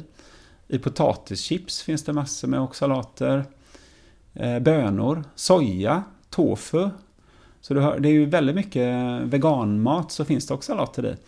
Och det här, det här är ingenting man behöver bli sjuk av eh, eh, om man äter det en månad eller några månader. Men vissa kan bli sjukare snabbare än andra, för vissa har problem med sin mag-tarmkanal, man kan säga på svenska läckande tarm då. Och då finns det forskning som visar att de kan ta upp mellan tre och fem gånger mer av oxalaterna ur kosten. Så det är inte så att det drabbar lika heller. Så eh, hela grejen är kanske att man ska tänka efter vad som hade funnits i säsong. Och tyvärr så vet ju inte folk det längre. Vi vet ju inte när åt man nötter förr i tiden. Ja, man åt ju hasselnötter till jul. Det gjorde jag i alla fall när jag var liten. Gjorde inte du? Jo, absolut. Jag blev väldigt sjuk av det, så att, men det beror inte på oxalaten. Det beror på att jag var allergisk. okay. Men du, nu har vi ju liksom eh, pratat om, om massa saker vi ska äta ur evolutionärt eh, perspektiv. Eh, och, och, och, saker som, och massa saker som vi inte ska äta. Och det här eh, tillsammans med annan påverkan från andra med, eh, som säger att du ska inte äta ditt, eller du ska inte äta det här jag skulle vilja som avrundning att du så att säga ger oss en liten, en liten guide på om vi nu ska åka till livsmedelsbutiken efter det här. Hur ska vi gå in där och hur ska vi tänka? Ja. Eh, ja, en av de första tankarna som jag får efter att jag själv har lagt om min kost och som säkert många av mina patienter också tänker, det är att man går väldigt mycket lite man, går väldigt eh, mycket mindre i mitten på butiken. I mitten på butiken finns ju de flesta processade varorna som är paket med långa innehållsförteckningar. Va? Eller hur? Mm. Mm, det, är liksom, det är där som Kelloggs cornflakes står till exempel. Just det. Och det mesta av de här förpackade mjölmaten och sockermaten. Och så. Eh, så att man går ju mer i ytterkant på butiken då. Och då tycker jag, eh, och det här är ju helt individuellt, det är inte så att jag kan sitta och säga hur alla ska äta. Men som grundtanken är ju ändå att man ska hålla ner antalet ingredienser, så helst inga ingredienser och laga mat från grunden. Då har man ju kontroll på läget i alla fall. Då. Och sen tror jag på att man ska köpa ekologisk mat när man kan, för besprutade saker, det som innehåller Roundup eller eh, glyfosat då, som är det vanligaste medlet här, det är ju ett, ett problem. Så eh, jag tror att man ska, eh, om man, om man inte har några etiska eller religiösa skäl att inte eh, äta kött till exempel, så tror jag man ska äta rött kött om man ser bara till hälsan. Helst så ska man äta gräsbetat rött kött, försöka stödja de som håller på med sånt regenerativt jordbruk. Där man just har djuren på ett sätt så att man också bygger jordar av det. Så det hade jag ju försökt göra, stödja, leta upp det. Det vill säga kanske inte ens, det kanske inte ens hittar en livsmedelsbutik. Och sen eh, så hade jag tänkt mig för, har jag, är jag överviktig? Eh, ja, då har jag antagligen ätit lite för mycket kolhydrater. Det är en väldigt enkel gissning i alla fall. Så jag kanske ska dra ner på, på allt, all form av socker, inklusive frukt. Jag kanske ska dra ner på potatis, ris, pasta, bröd. Ehm, Sen tycker jag också att när det andra vi var inne på, oxalater, innan man går in i butiken kan man ju tänka på att vad är det för säsong nu här? Ja, det är höst. Ja, jag kanske ska äta svamp idag då. Det är säsong med. Nötter kanske är säsong då. Men jag äter inte spenat varje dag, för det har jag inte tillgång till på hösten eh, eller vintern. Liksom. Då kan man... För när man följer den evolutionära mallen så är det svårt att gå fel. Liksom. Även om vi inte har koll på alla detaljer, men följer man evolutionära mallen hur vi har ätit, då hamnar man oftast ganska rätt. Men när man går ifrån den, även om man tycker att, tror att man gör rätt, eller att någon säger till mig att man gör rätt, så är det ju hög risk då, som i fallet med oxalater. Nu finns ju många här som eh, gärna vill eh, veta mer, lyssna mer, höra mer, läsa mer. Och då vet jag att mm, dels har ju ni en föreläsningsserie i landet. Ja. Eh, och sen vet jag att du får ha lite tidskrifter någonting man kan också kan läsa. Mm. Så att eh, vad, hur, hur, ska man bära sig åt för att eh, ja, följa dig och för att, för att få veta mer helt enkelt? Ja, eh, vår föreläsningsserie det är Jonas Bergqvist och jag som har på fem orter i landet. Så vi hade i Stockholm, det var fullbokat, det var jätteroligt. Och i Göteborg har vi faktiskt eh, 27 november, det kanske har passerat när du sänder avsnittet förstås. Men det är 300 personer där och sen fortsätter vi ut i landet. Men det kan ni hitta på en hemsida som heter Funktionsmedicinska vårdutbildningar. Och det är inte bara riktat till vårdpersonal, men det, det finns där. Det är den ena grejen. Sen om man är intresserad av ämnet, alltså av kost och hälsa och inte bara få det här mediebudskapet utan få det här vetenskapsbaserat. Eh, eh, vi synar saker i sömmarna och vi har eh, lite mer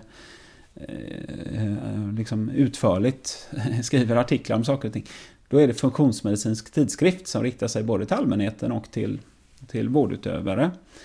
Och sen är man intresserad av efter, av att själv bli patient så kan man gå in på vår hemsida funmed.se www.fanmed Felix Urban Niklas som är rolig medicin fanmed.se och anmäla sig. Och tack och lov, nu är vi ju fler läkare, vi kommer bli ännu fler här under våren. Så att nu kan vi ta emot ganska många patienter så att eh, Det är bara att gå in och anmäla sig. Man får vara medveten om att det kan kosta både 30 och 40 000 för ett halvår. Men det är ju mycket läkartid. Vi lägger mycket tid på just dig. Inklusive ordentlig undersökning. Och vi lägger mycket pengar på mycket, att kartlägga biokemi och tarmflora som en provtagning.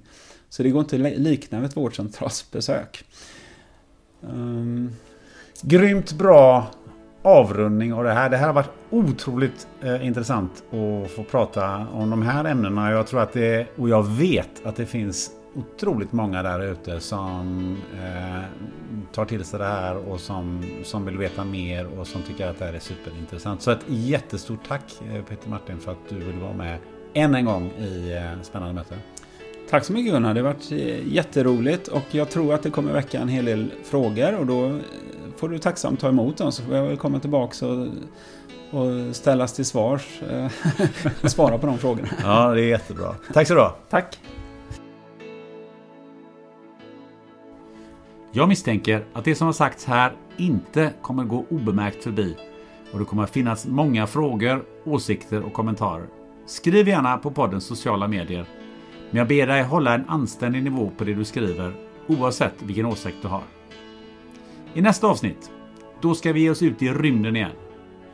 Det sker med ingen mindre än Space Architect Larry Toops som ska guida oss till månens och dess framtida bebyggelse och hela vägen till Mars. Och inte bara dit, utan också hela vägen tillbaka. Till dess, ät vad du vill, men fundera gärna på hur det påverkar dig och din hälsa. Ha det gött!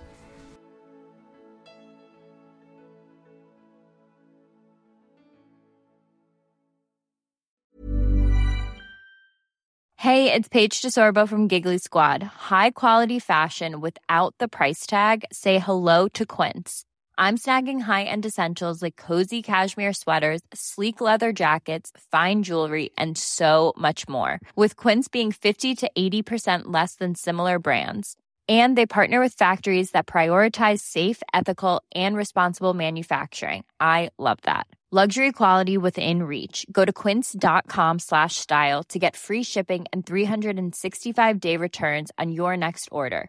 quince.com slash style. Ever catch yourself eating the same flavorless dinner three days in a row? Dreaming of something better? Well, HelloFresh is your guilt-free dream come true, baby. It's me, Gigi Palmer. Let's wake up those taste buds with hot, juicy pecan-crusted chicken or garlic butter shrimp scampi. Mm. Hello Fresh. Stop dreaming of all the delicious possibilities and dig in at HelloFresh.com. Let's get this dinner party started.